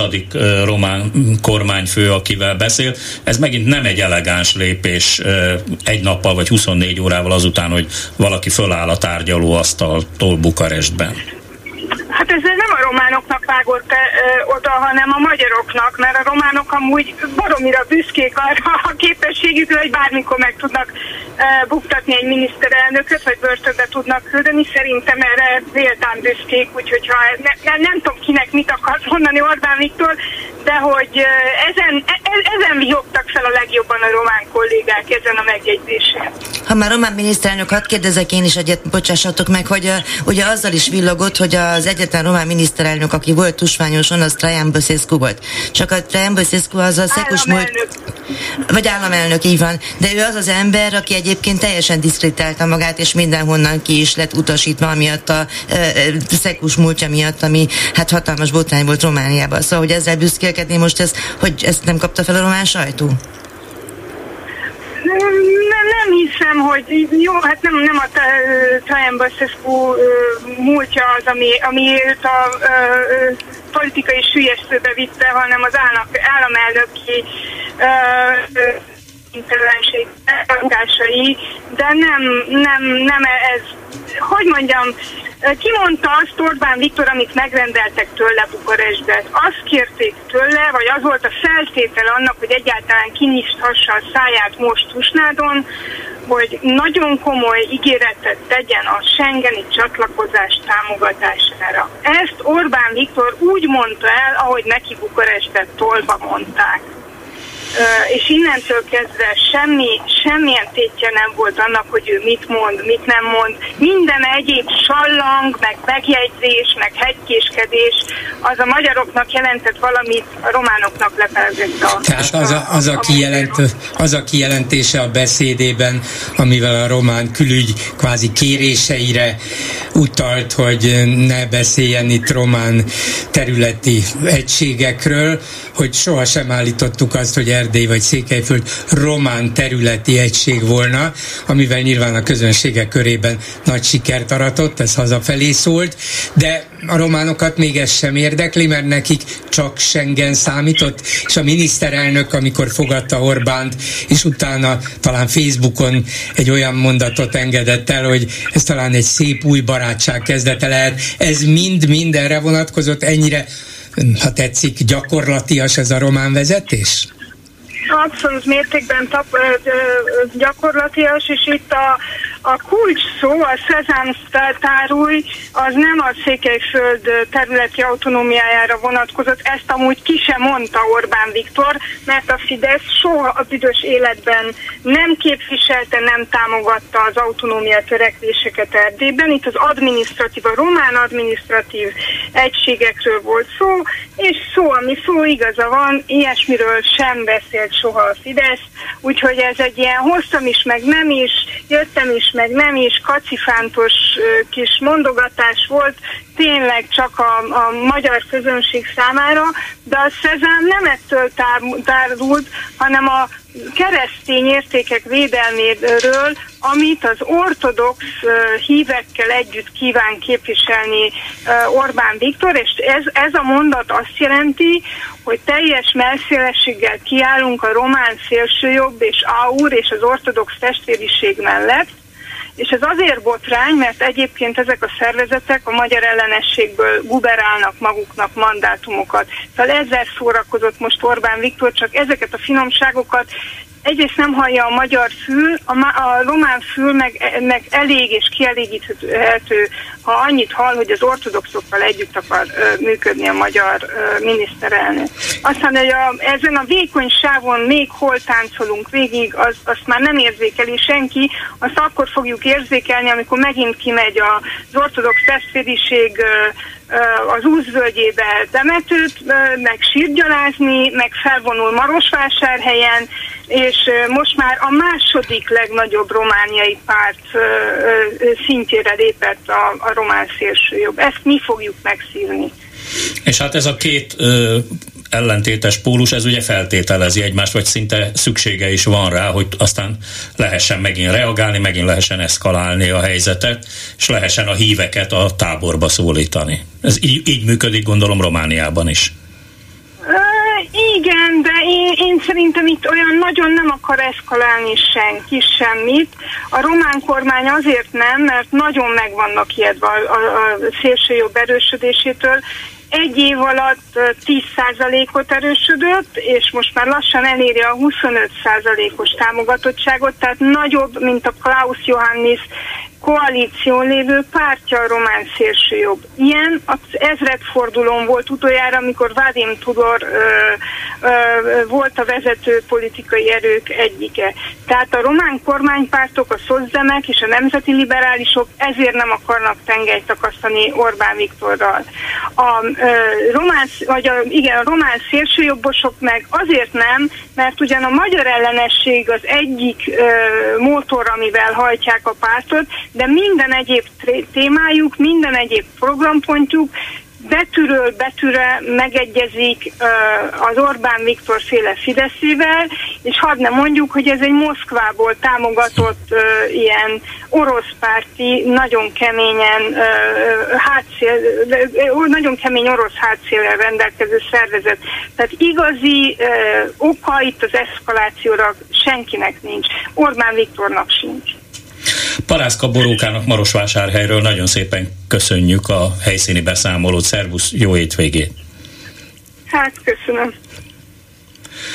No, de térjünk vissza eh, azért még egy picit Orbán Viktor beszédéhez. Eh, engem két dolog foglalkoztatott, nevezetesen az, hogy egyrészt hozzászoktunk ahhoz, hogy Orbán Viktor mindig itt ezt a tusványosi alkalmat használja föl arra, hogy nagyot mondjon. Tehát van egy ilyen Hári Jánosos nagyot mondási kényszere, aztán van körülbelül egy hónap, hogy ezt a kísérleti léggömböt, hogy ezt a magyar és a nemzetközi közvélemény hogyan fogadja, hogy ezt elemezzék, és aztán ebből mit visz tovább majd szeptemberben a politikában. Tehát van egy, van egy ilyen része is, és hát a másik, ami egy óriás, ez most elmaradt, a másik pedig hogy ezt az egész tusványost úgy ö, vezették elő, hogy a béke jegyében, a béke jegyében, na most az ukrajnai háborúról gyakorlatilag egyetlen szót sem mondott Orbán Viktor, és semmit nem mondott arról, hogy hogyan lehetne tűzszünet, hogyan lehetne itt ö, béke. Jó, mondjuk ö, ez nem is tőle függ, de hát ez, ez volt, amivel meghirdették ezt a 32. Igen, tusványos. Ez, ez nagyon érdekes, hogy ezt kifejezetten előre jelezték, hogy ez a békéről fog szólni, tehát feltételezem, hogy ez Orbán jóváhagyásával történt ez a fajta beetetés, hogy majd mi mondó, én mondok valamit erről, és valaminek történnie kellett, amiért erről lemondott, mert gyakorlatilag feltűnően került a témát. Azt mondta ugyan, hogy a nyugati értékek közé tartozik a háború, de azt nem mondta, hogy én viszont a béke és kelet oldalán állok. Ugye ezt kellett volna mondani ebből, és akkor el kellett volna mondani, hogy ez egy olyan béke lesz, amiben az orosz érdekeket kell elfogadni, és így tovább. De nem, nem ment el idáig. Nem tudom, hogy miért, de, de minden esetre ennek kell, hogy legyen valamilyen magyarázata, lehet, hogy sose tudjuk meg. Egy dolgot mondott, ami megint csak nem fog nagyon nagy figyelmet kelteni, mert nem bombasztikus, viszont tényszerűleg fontos, és lehet, hogy holnap, holnap után is a következő hónapban látjuk majd ennek következményeit, már eddig is észlelni lehetett. Ezt hangsúlyosan mondta az Európai Unióval kapcsolatban, hogy nem fogunk kompromisszumot kötni. Nem fogunk kompromisszumot kötni, se anyagi, se politikai értelemben. Ez azt jelenti, hogy visszautasítjuk gyakorlatilag azokat a feltételeket, amelyeket az Unió szabott Magyarország számára, nem érdekelnek az anyagi hátrányok, amelyek ebből következnek. A lényeg az, hogy mi nem. Most az is lehet, hogy ez egy üres mondjuk szlogen, amit ő pusztába vagy, vagy Erdélybe kiáltott, nem tudom, hogy mi akar lenni, de azért ennél több, mert nehéz lesz visszaszívni ezeket a, ezt a kijelentést, hogyha mégis csak kénytelen lesz kompromisszumot kötni. Ebbe is belemegy, abba is, de hát te mondtad Gyuri, azt, hogy nem, nem, nem fogok. ez lenne az első nem varga betű a politikájában. Csak azt akarom mondani, hogy ez viszont elég határozott kijelentés ahhoz, hogy megkösse magát. Hogy azt mondja, a tárgyalók mondjuk a Navracsicsnak, vagy a többinek, meg az Európai Uniós, um, Európai Uniós tárgyalóknak, hogy kérem szépen, én megmondtam, nincs kompromisszum, és akkor nézzük meg, Sőt, hogy hogyan megyünk fogunk. tovább. Igen. Sőt, Brüsszelre harcolni igen. fogunk. Egyébként a Putyinhoz csak annyit még vissza, hogy a Oroszországhoz a Putyin nevét ki nem mondta, és igazából Oroszországot levette Persze. a térképről, a világpolitikai térképről. Igen. Nekem ez volt az érzésem. Hát egyszer egy uh, ilyen mellékes vonalként említett egy olyan ország csoportot, amelyben Oroszország is beletartozik, amikor az úgynevezett BRICS országok szervezetéről beszélt. Ugye ez Brazília, Oroszország, India, Kína, Dél-Afrika, amelynek egyébként a csúcs találkozója majd augusztusban lesz Dél-Afrikában, és ahol Putyin már előre jelezte, hogy nem megy el. Jól felfogott érdeke, szerintem most ki sem meri tenni a lábát Moszkvából, de hogy a politikai elemző, a politológus ezt hogy látja, ezt kérdezzük meg Böcskei Balástól, aki itt van velünk a vonalban, az IDEA intézet igazgatója. Jó napot kívánok! Jó napot kívánok, köszöntöm a hallgatókat. Ön is úgy látja, hogy az Európai Uniót, és most egy idézet következik, szorongás, gyötri és bekerítve érzi magát?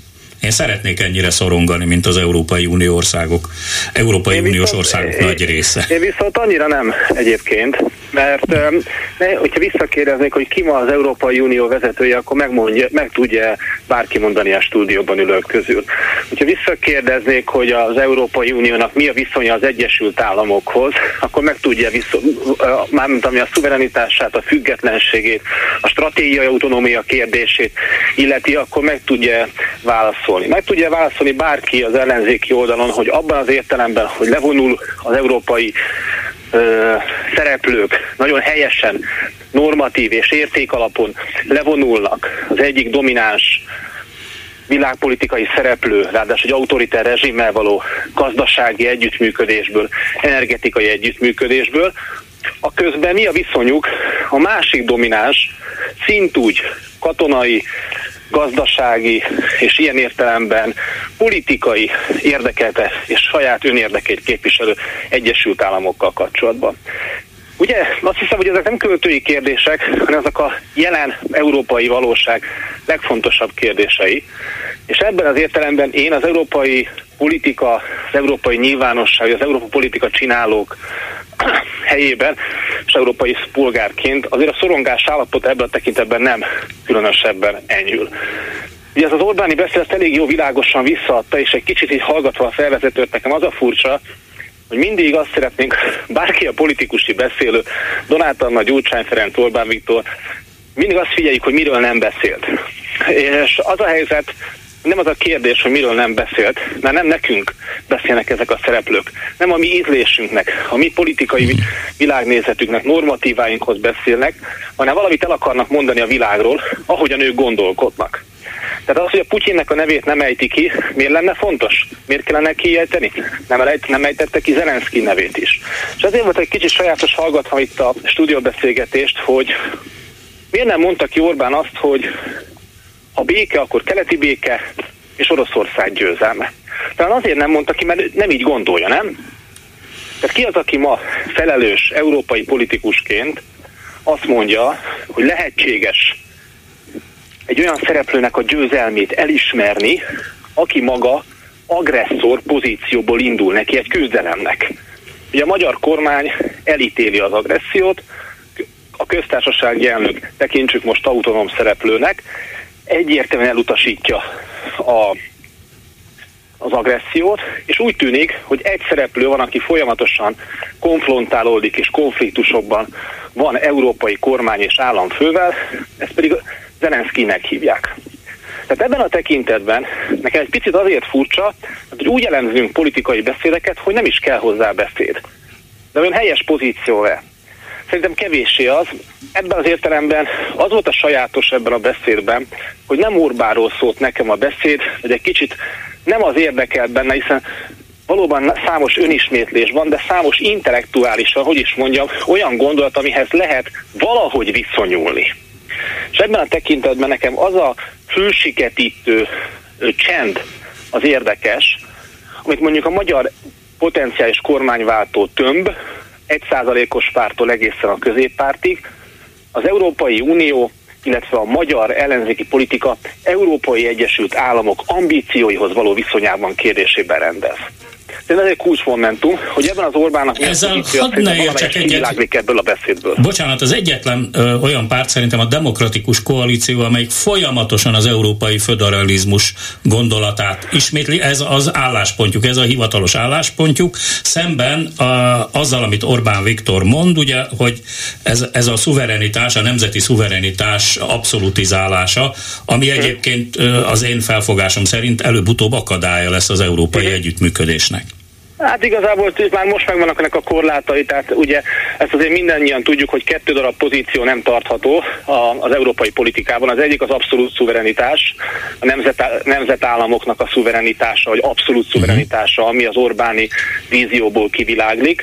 A másik pedig a, a föderalizmusnak a tulajdonképpen spillover-szerű kiterjesztése, ez a másik, ami szintén tartatatlan, tehát csak a két abszolút po- pozíció nem tartható.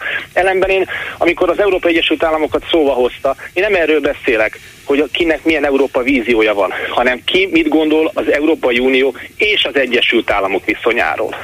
Ez egy, kicsit, ez, egy, ez egy picit bonyolultabb kérdés, mert az azt veti fel, hogy ki mit gondol a szuverén kérdéséről, hogy ki mit gondol arról, hogy ki az az európai világnak tulajdonképpen a domináns szereplője, milyen normatív bázis mentén akarunk elmenni, mert hiszen azt a pozíciót azért most már, ha már a politikai tapasztalatokról és történelmi tapasztalatokról beszélünk, hogy az, Európai Egyes, hogy az Amerikai Egyesült Államok ebben a konfliktusban nem csak Oroszország, Ukrajna békéjéért közt, hanem vannak egyéb más stratégiai szempontja az Európai Unióval szemben, arról lehet, hogy indokolt lenne beszélni. Hát egyébként, ez érdekes, beszéljünk erről, de, de Orbán azért nem erről beszélt, hanem arról beszélt, hogy szerinte a világpolitikát a következő években vagy évtizedekben nem is ez a háború, hanem a kínai-amerikai versengés fogja meghatározni, ami ráadásul már el is dőlt. És az Egyesült Államok jobban teszi mindannyiunk érdekében, ha ezt nem próbálja élezni, nem próbál háborút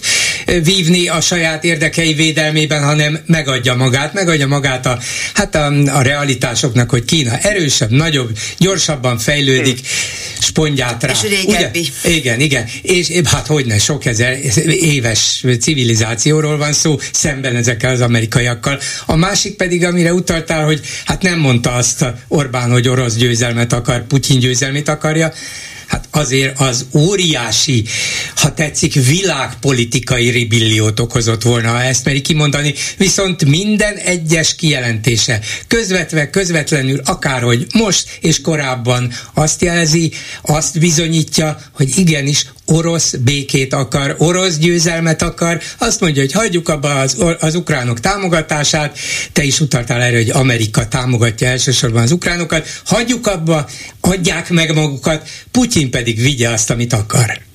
Ja, amit tudunk, amit tudunk, amelyik, hogy én külpolitikai szakértő irányba elköteleződnék, hm. hogy amit a felvetésedben van, valóban egy jelen pillanatban most és azonnal köttetett béke, az kétségkívül az orosz fél szándékait. Hát nem tudom, hogy mik az orosz fél szándéka, ezért ma már egyre kevésbé lehet nyilatkozni, de minden esetre egy Oroszországnak kedvező békekötés lenne.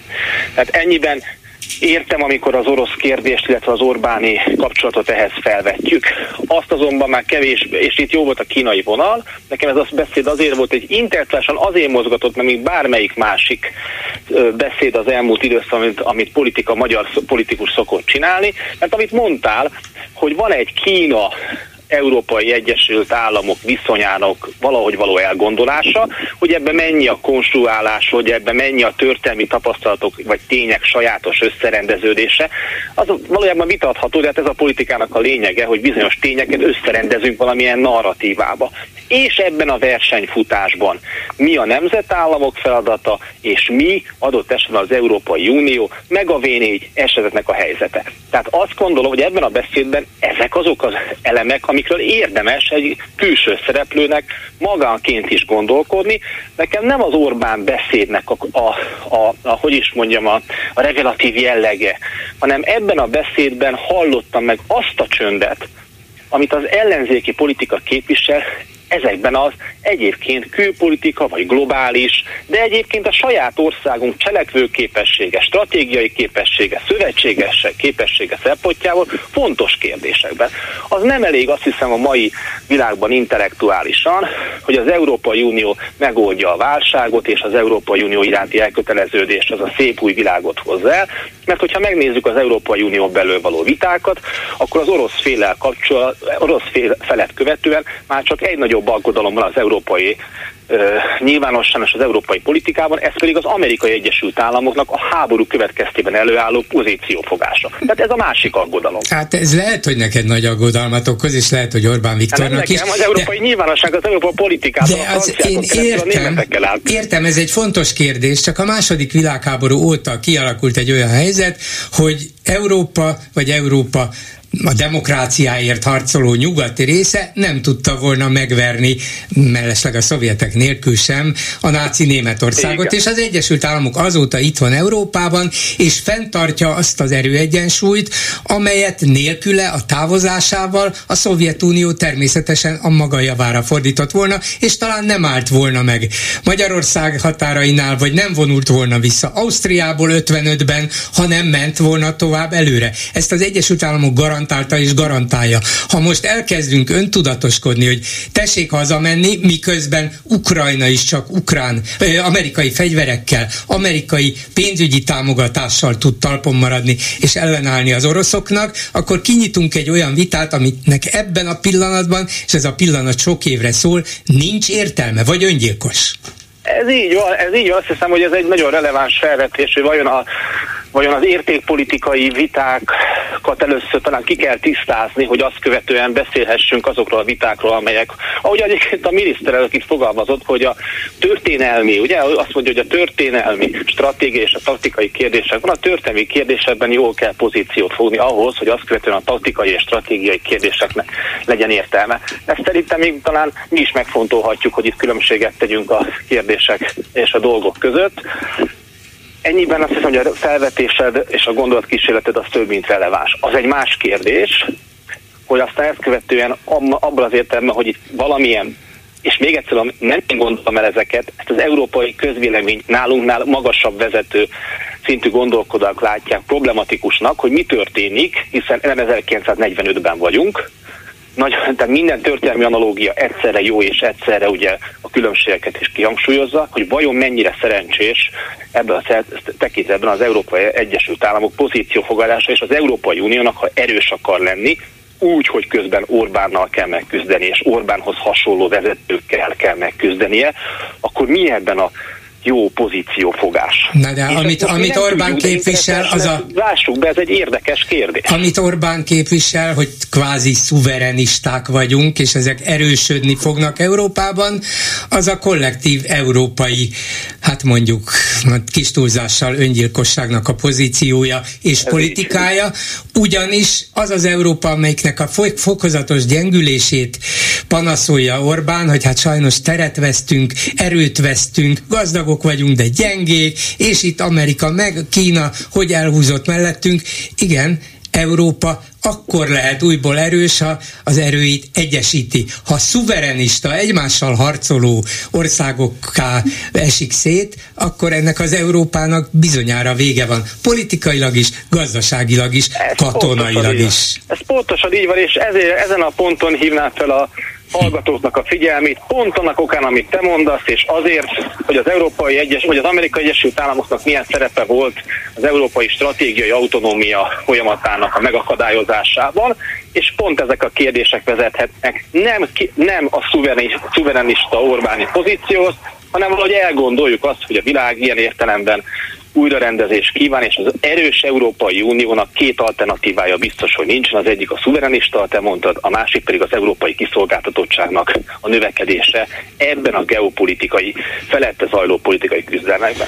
Szerintem ez volt ennek a beszédnek a nem kimondott üzenetem, mert nem ezt akartam, mert nem nekünk akar beszélni, nem mi vagyunk a hallgatói, de Van mi, mi az, amit mi azért még egy, egy, egy vonal, ugye, ha, ha már uh, szóba a filozófiát, uh, ahol a magyar alkotmányról beszélt Orbán Viktor, ami hát igen hátborzongató gondolati ív volt, ahol azt hangsúlyozta folyamatosan, hogy ugye ez eltér az Európai Unióban elfogadott liberális demokráciák alkotmányától, és hogy ez a mi életmódunk, a mi hangsúlyozása az egyénnel szemben, tehát ez nagyon erősen emlékeztetett engem a totalitárius rezsimek filozófiájára, ahol is ugye mindig a többség határozta meg, hogy minek kell lennie, és nem tartotta tiszteletben a kisebbségeknek sem a véleményét, sem a vallását, sem a származását, sem az életét.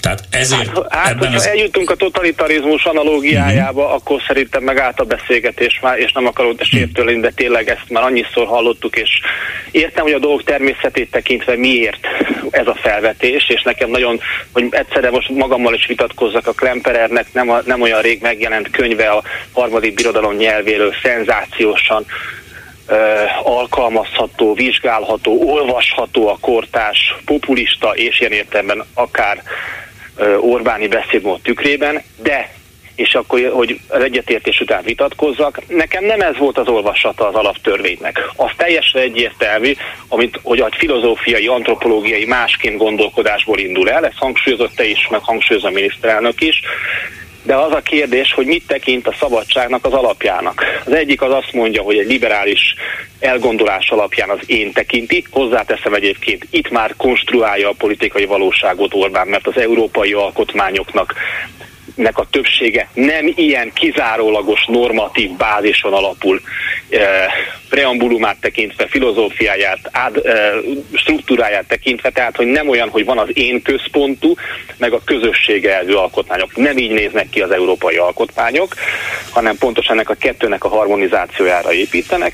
Ellenben az, amit hangsúlyozni akart, hogy megkonstruálja továbbra is az individuális, liberális, én központú pozíciót, mint egy antitézist, és számára az ajánlat, hogy a magyar társadalom az egy közösségben gondolkodó, és nekem kevésbé azok a toposzok jöttek ki ebből a beszédből, amiket hangsúlyoztál. Nyilván tovább gondolásokán el tudunk jutni a sztálini alkotmányhoz, meg a, meg a hitlerihez, nem tudom kell-e.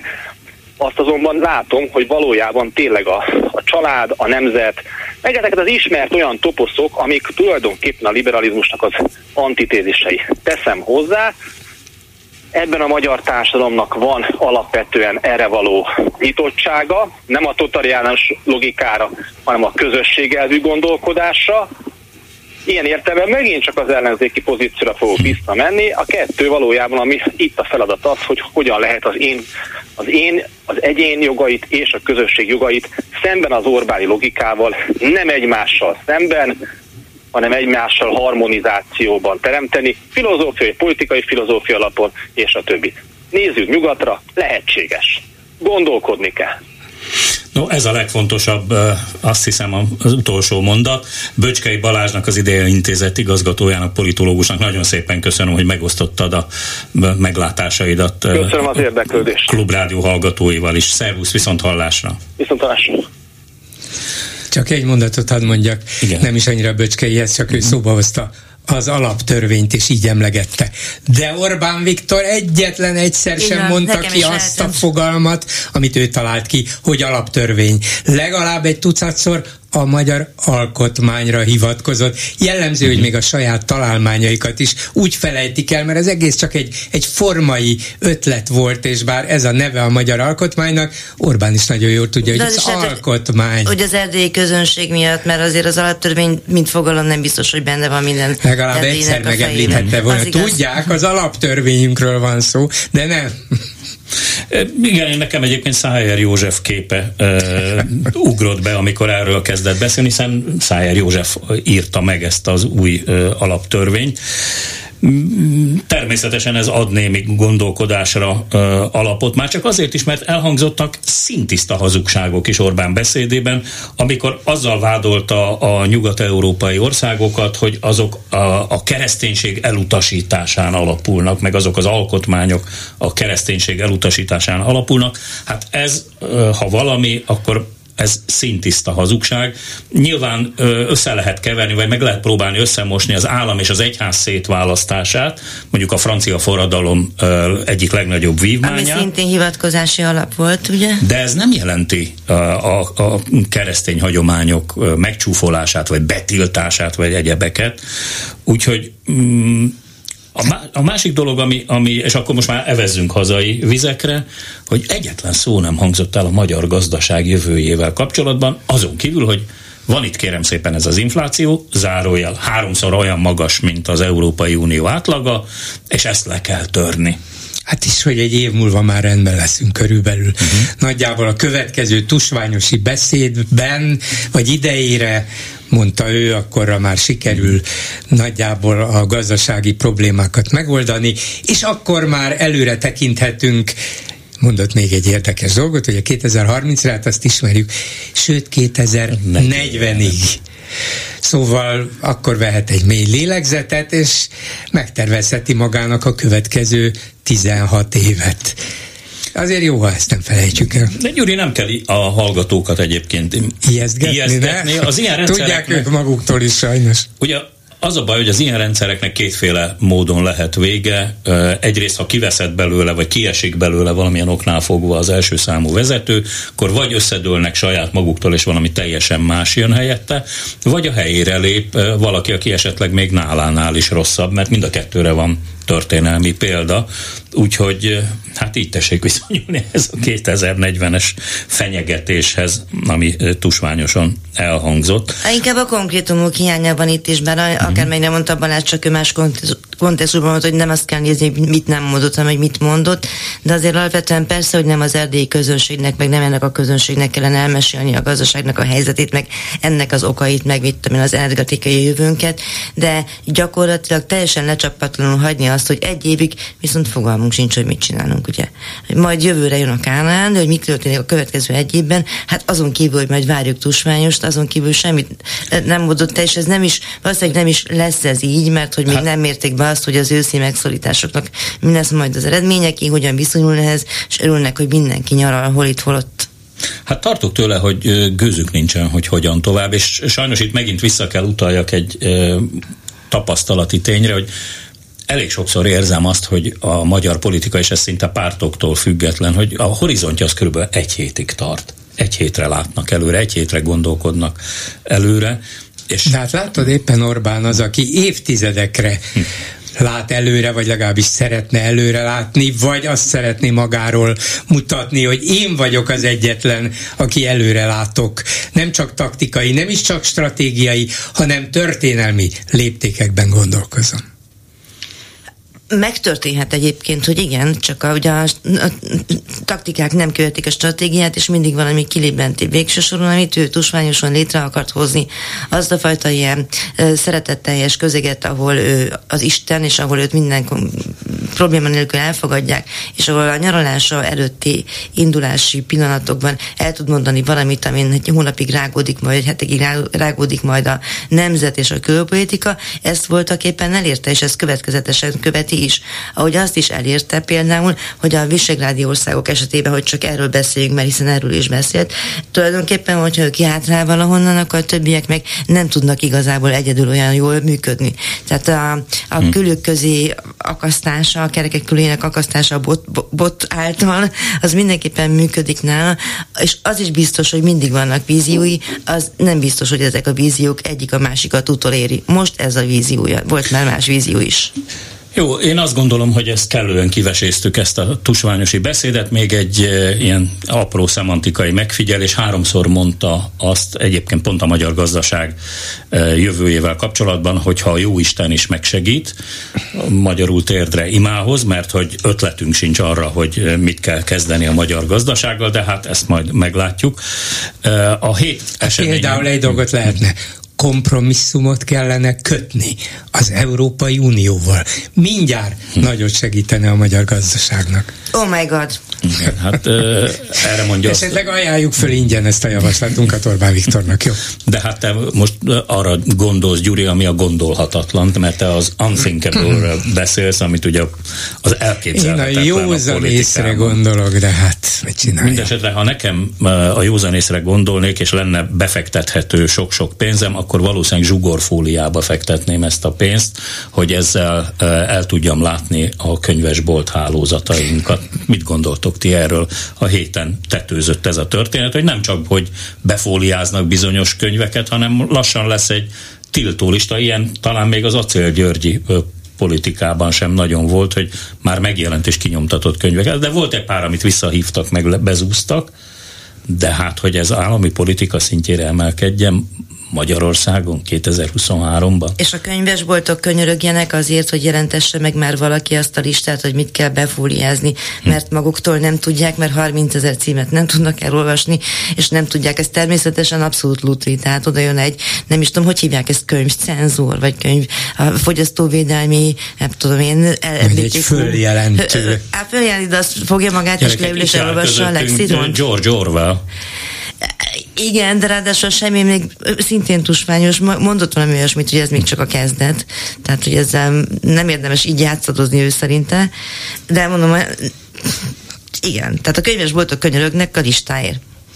De ők nyilván szándékosan csinálnak egyre nagyobb cirkuszt körülötten. Nem, ezek, ezek biztos nem véletlen dolgok. Rájöttek arra, hogy az az egy-két évvel ezelőtti kampány és törvénymódosítások, amelyek arról szóltak, hogy, meg a választás alatti népszavazás, genderügy, hát hiába mondjuk azt, hogy gender a magyar valahogy nem izgul föl tőle annyira, mint én, mint Orbán Viktor, gender, gender, gender, de magyarok legyinteng. De hogyha egyre több ilyen a mindennapi életben tapasztalható, látható, észrevehető konfliktus alakul ki, például, hogy a könyvesboltban befóliáznak-e könyveket, vagy nem, hogy mit tiltanak meg és mit nem, milyen tiltakozások lesznek, milyen értetlenség, minél többen kezdenek el majd kiabálni, annál jobb, mert megmutathatjuk, hogy mi igenis lecsapunk ezekre a deviásokra, és ezt akarják elérni, ezért biztos, hogy lesznek újabb lépések. Meg a Libri és a Lira közötti, tehát a Libri privatizáció az MCC által szerintem a habverés a, ebben a fóliázás ügyben nem véletlenül jött ugyanabban a pillanatban. Ugye, hogy is kezdődött?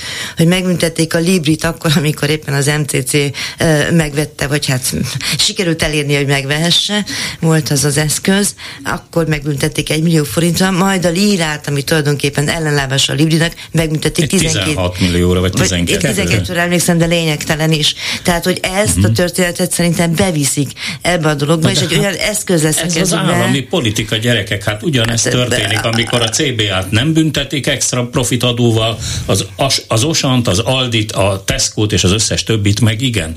Hát eh, persze, mert Meg ezek a proforma megbüntették a Librit is, csak én azt uh-huh. akarom mondani, hogy ez egy jóval nagyobb botrány a Librinek a hát gyakorlatilag kiszorítása, a, vagy nem tudom, elinstandulása, mint, a, mint ez a dolog, és akkor ki, sikerült elterelni a figyelmet ezzel a fóliázással, ugyanakkor kiszabadítottak egy olyan palackot a szellemből, hogy bárki... Fordítva, szellemet a palackból. Szellemet a palackból, jó van. vissza Aladint egy picit a Ne felejtsétek el, hogy ahogy, ahogy ti, én is Orbán Viktor délelőtti beszédével ébredtem, és valahogy, valahogy nem találom a szavakat, igen. de uh, ami uh, úgy általában véve én nagyon nem szeretem, amikor az állami uh, hatóságok elkezdenek a könyvekkel foglalkozni, abból még sok jó nem született, akár darálják, akár égetik, akár fóliázzák. De miért gondolod, hogy Orbán Viktor neked jót akar? Azt egy percig nem gondolom. Viszont nyilvánvalóan jót akar, hiszen újabb tíz vasútvonalat szárnyvonalat számol föl a MÁV. Ez ugye ez egy korábban egy olyan szent tehén volt, amire a, ha jól emlékszem, akkor a Tána Gyurcsány kormány idején történtek ilyen takarékossági intézkedések, és akkor hát kígyót békát kiabált az, ellenz, az akkori ellenzék a kormányra, most pedig a jelek szerint ezt gond nélkül meglépik. Köztük négy olyat, amit ők indítottak vissza. Igen, elvileg még azt is lehet mondani, sőt valószínűleg gyakorlatilag is, hogy van ebben valamilyen ráció, nyilván érdemes lehet erről az érintettek bevonásával, az érintett uh-huh. térségek, városok, falvak, közlekedési szakemberek, különböző szervezetek bevonásával hosszan egyeztetni, tárgyalni, és aztán meghozni egy olyan döntést, amire biztos nem fog mindenki egyetérteni, de azt lehet mondani, hogy kérem szépen, ez a helyzet, ezek a feltételek, ezek a körülmények, valamit csinálnunk kell, legyen így. De ők mindig hirtelen előhúznak a mellén ebből egy döntést, ez van, tessék, vigyétek ezt nektek. És persze hát a, a dolog elvisége az nyilvánvaló, ugyanúgy, hogy a posta bezárások idején, annak idején micsoda ribillió volt, és ugyanígy a vasútvonal, a bizonyos mellékvonalak megszüntetésekor, hát most visszaállítjuk a postákat, nem történt meg csak nagyon kis részben. Visszaállítjuk a lezárt vonalakat, nem történt meg csak kis részben, és aztán szépen folytatják. Mondom, lehet róla vitatkozni, csak ha mindez demokratikusan és az érdekek összeegyeztetésével történne, akkor azt mondanám, hogy mindenki számára érthetőbbé válna, hogy mit miért kell, vagy lehet megcsinálni. Meg a hosszú távú tervezés. Hát, hát arról nem is beszélve, ugye, hogy elhangzott, hogy a megszüntetett szányvonalak helyén buszjáratokat indítanak, ami pedig hát közismerten egy környezetszennyezőbb megoldás, és sokkal drágább is. Úgyhogy egy újabb szép fejezet. Na de ha majd a Magyarországon gyártott akkumulátorokkal hmm. felszerelt elektromos buszok mennek, na, Amelyek arra mit mondasz? egyenesen a paksi új két reaktorra Vagy fognak majd kapcsolni. Ez még gyorsabb lesz, igen. No, ha már eljutottunk a világűrbe tusványosról, akkor nem maradt más hátra, mint hogy megköszönjem nektek a közreműködést, illetve ezzel a hetes stúdió végére értünk, az adást a stúdióban velem ülő Józsa Márta szerkesztette, az adásban a létrejöttében közreműködött Lehocki Mériám, Lantos Dániel, Horváth Ádám, Bodnár Barna és Csernyánszki Judit. Elköszönöm a műsorvezetőnek. És Túri Lui. És Túri Lui, aki itt ült az üveg, mögött hosszú a stáblistánk. Elköszönöm a műsorvezetőnek, Hardi Mihályt hallották, legyen szép hétvégéjük. A hetes stúdiót a Klubrádió közéleti politikai magazinját hallották.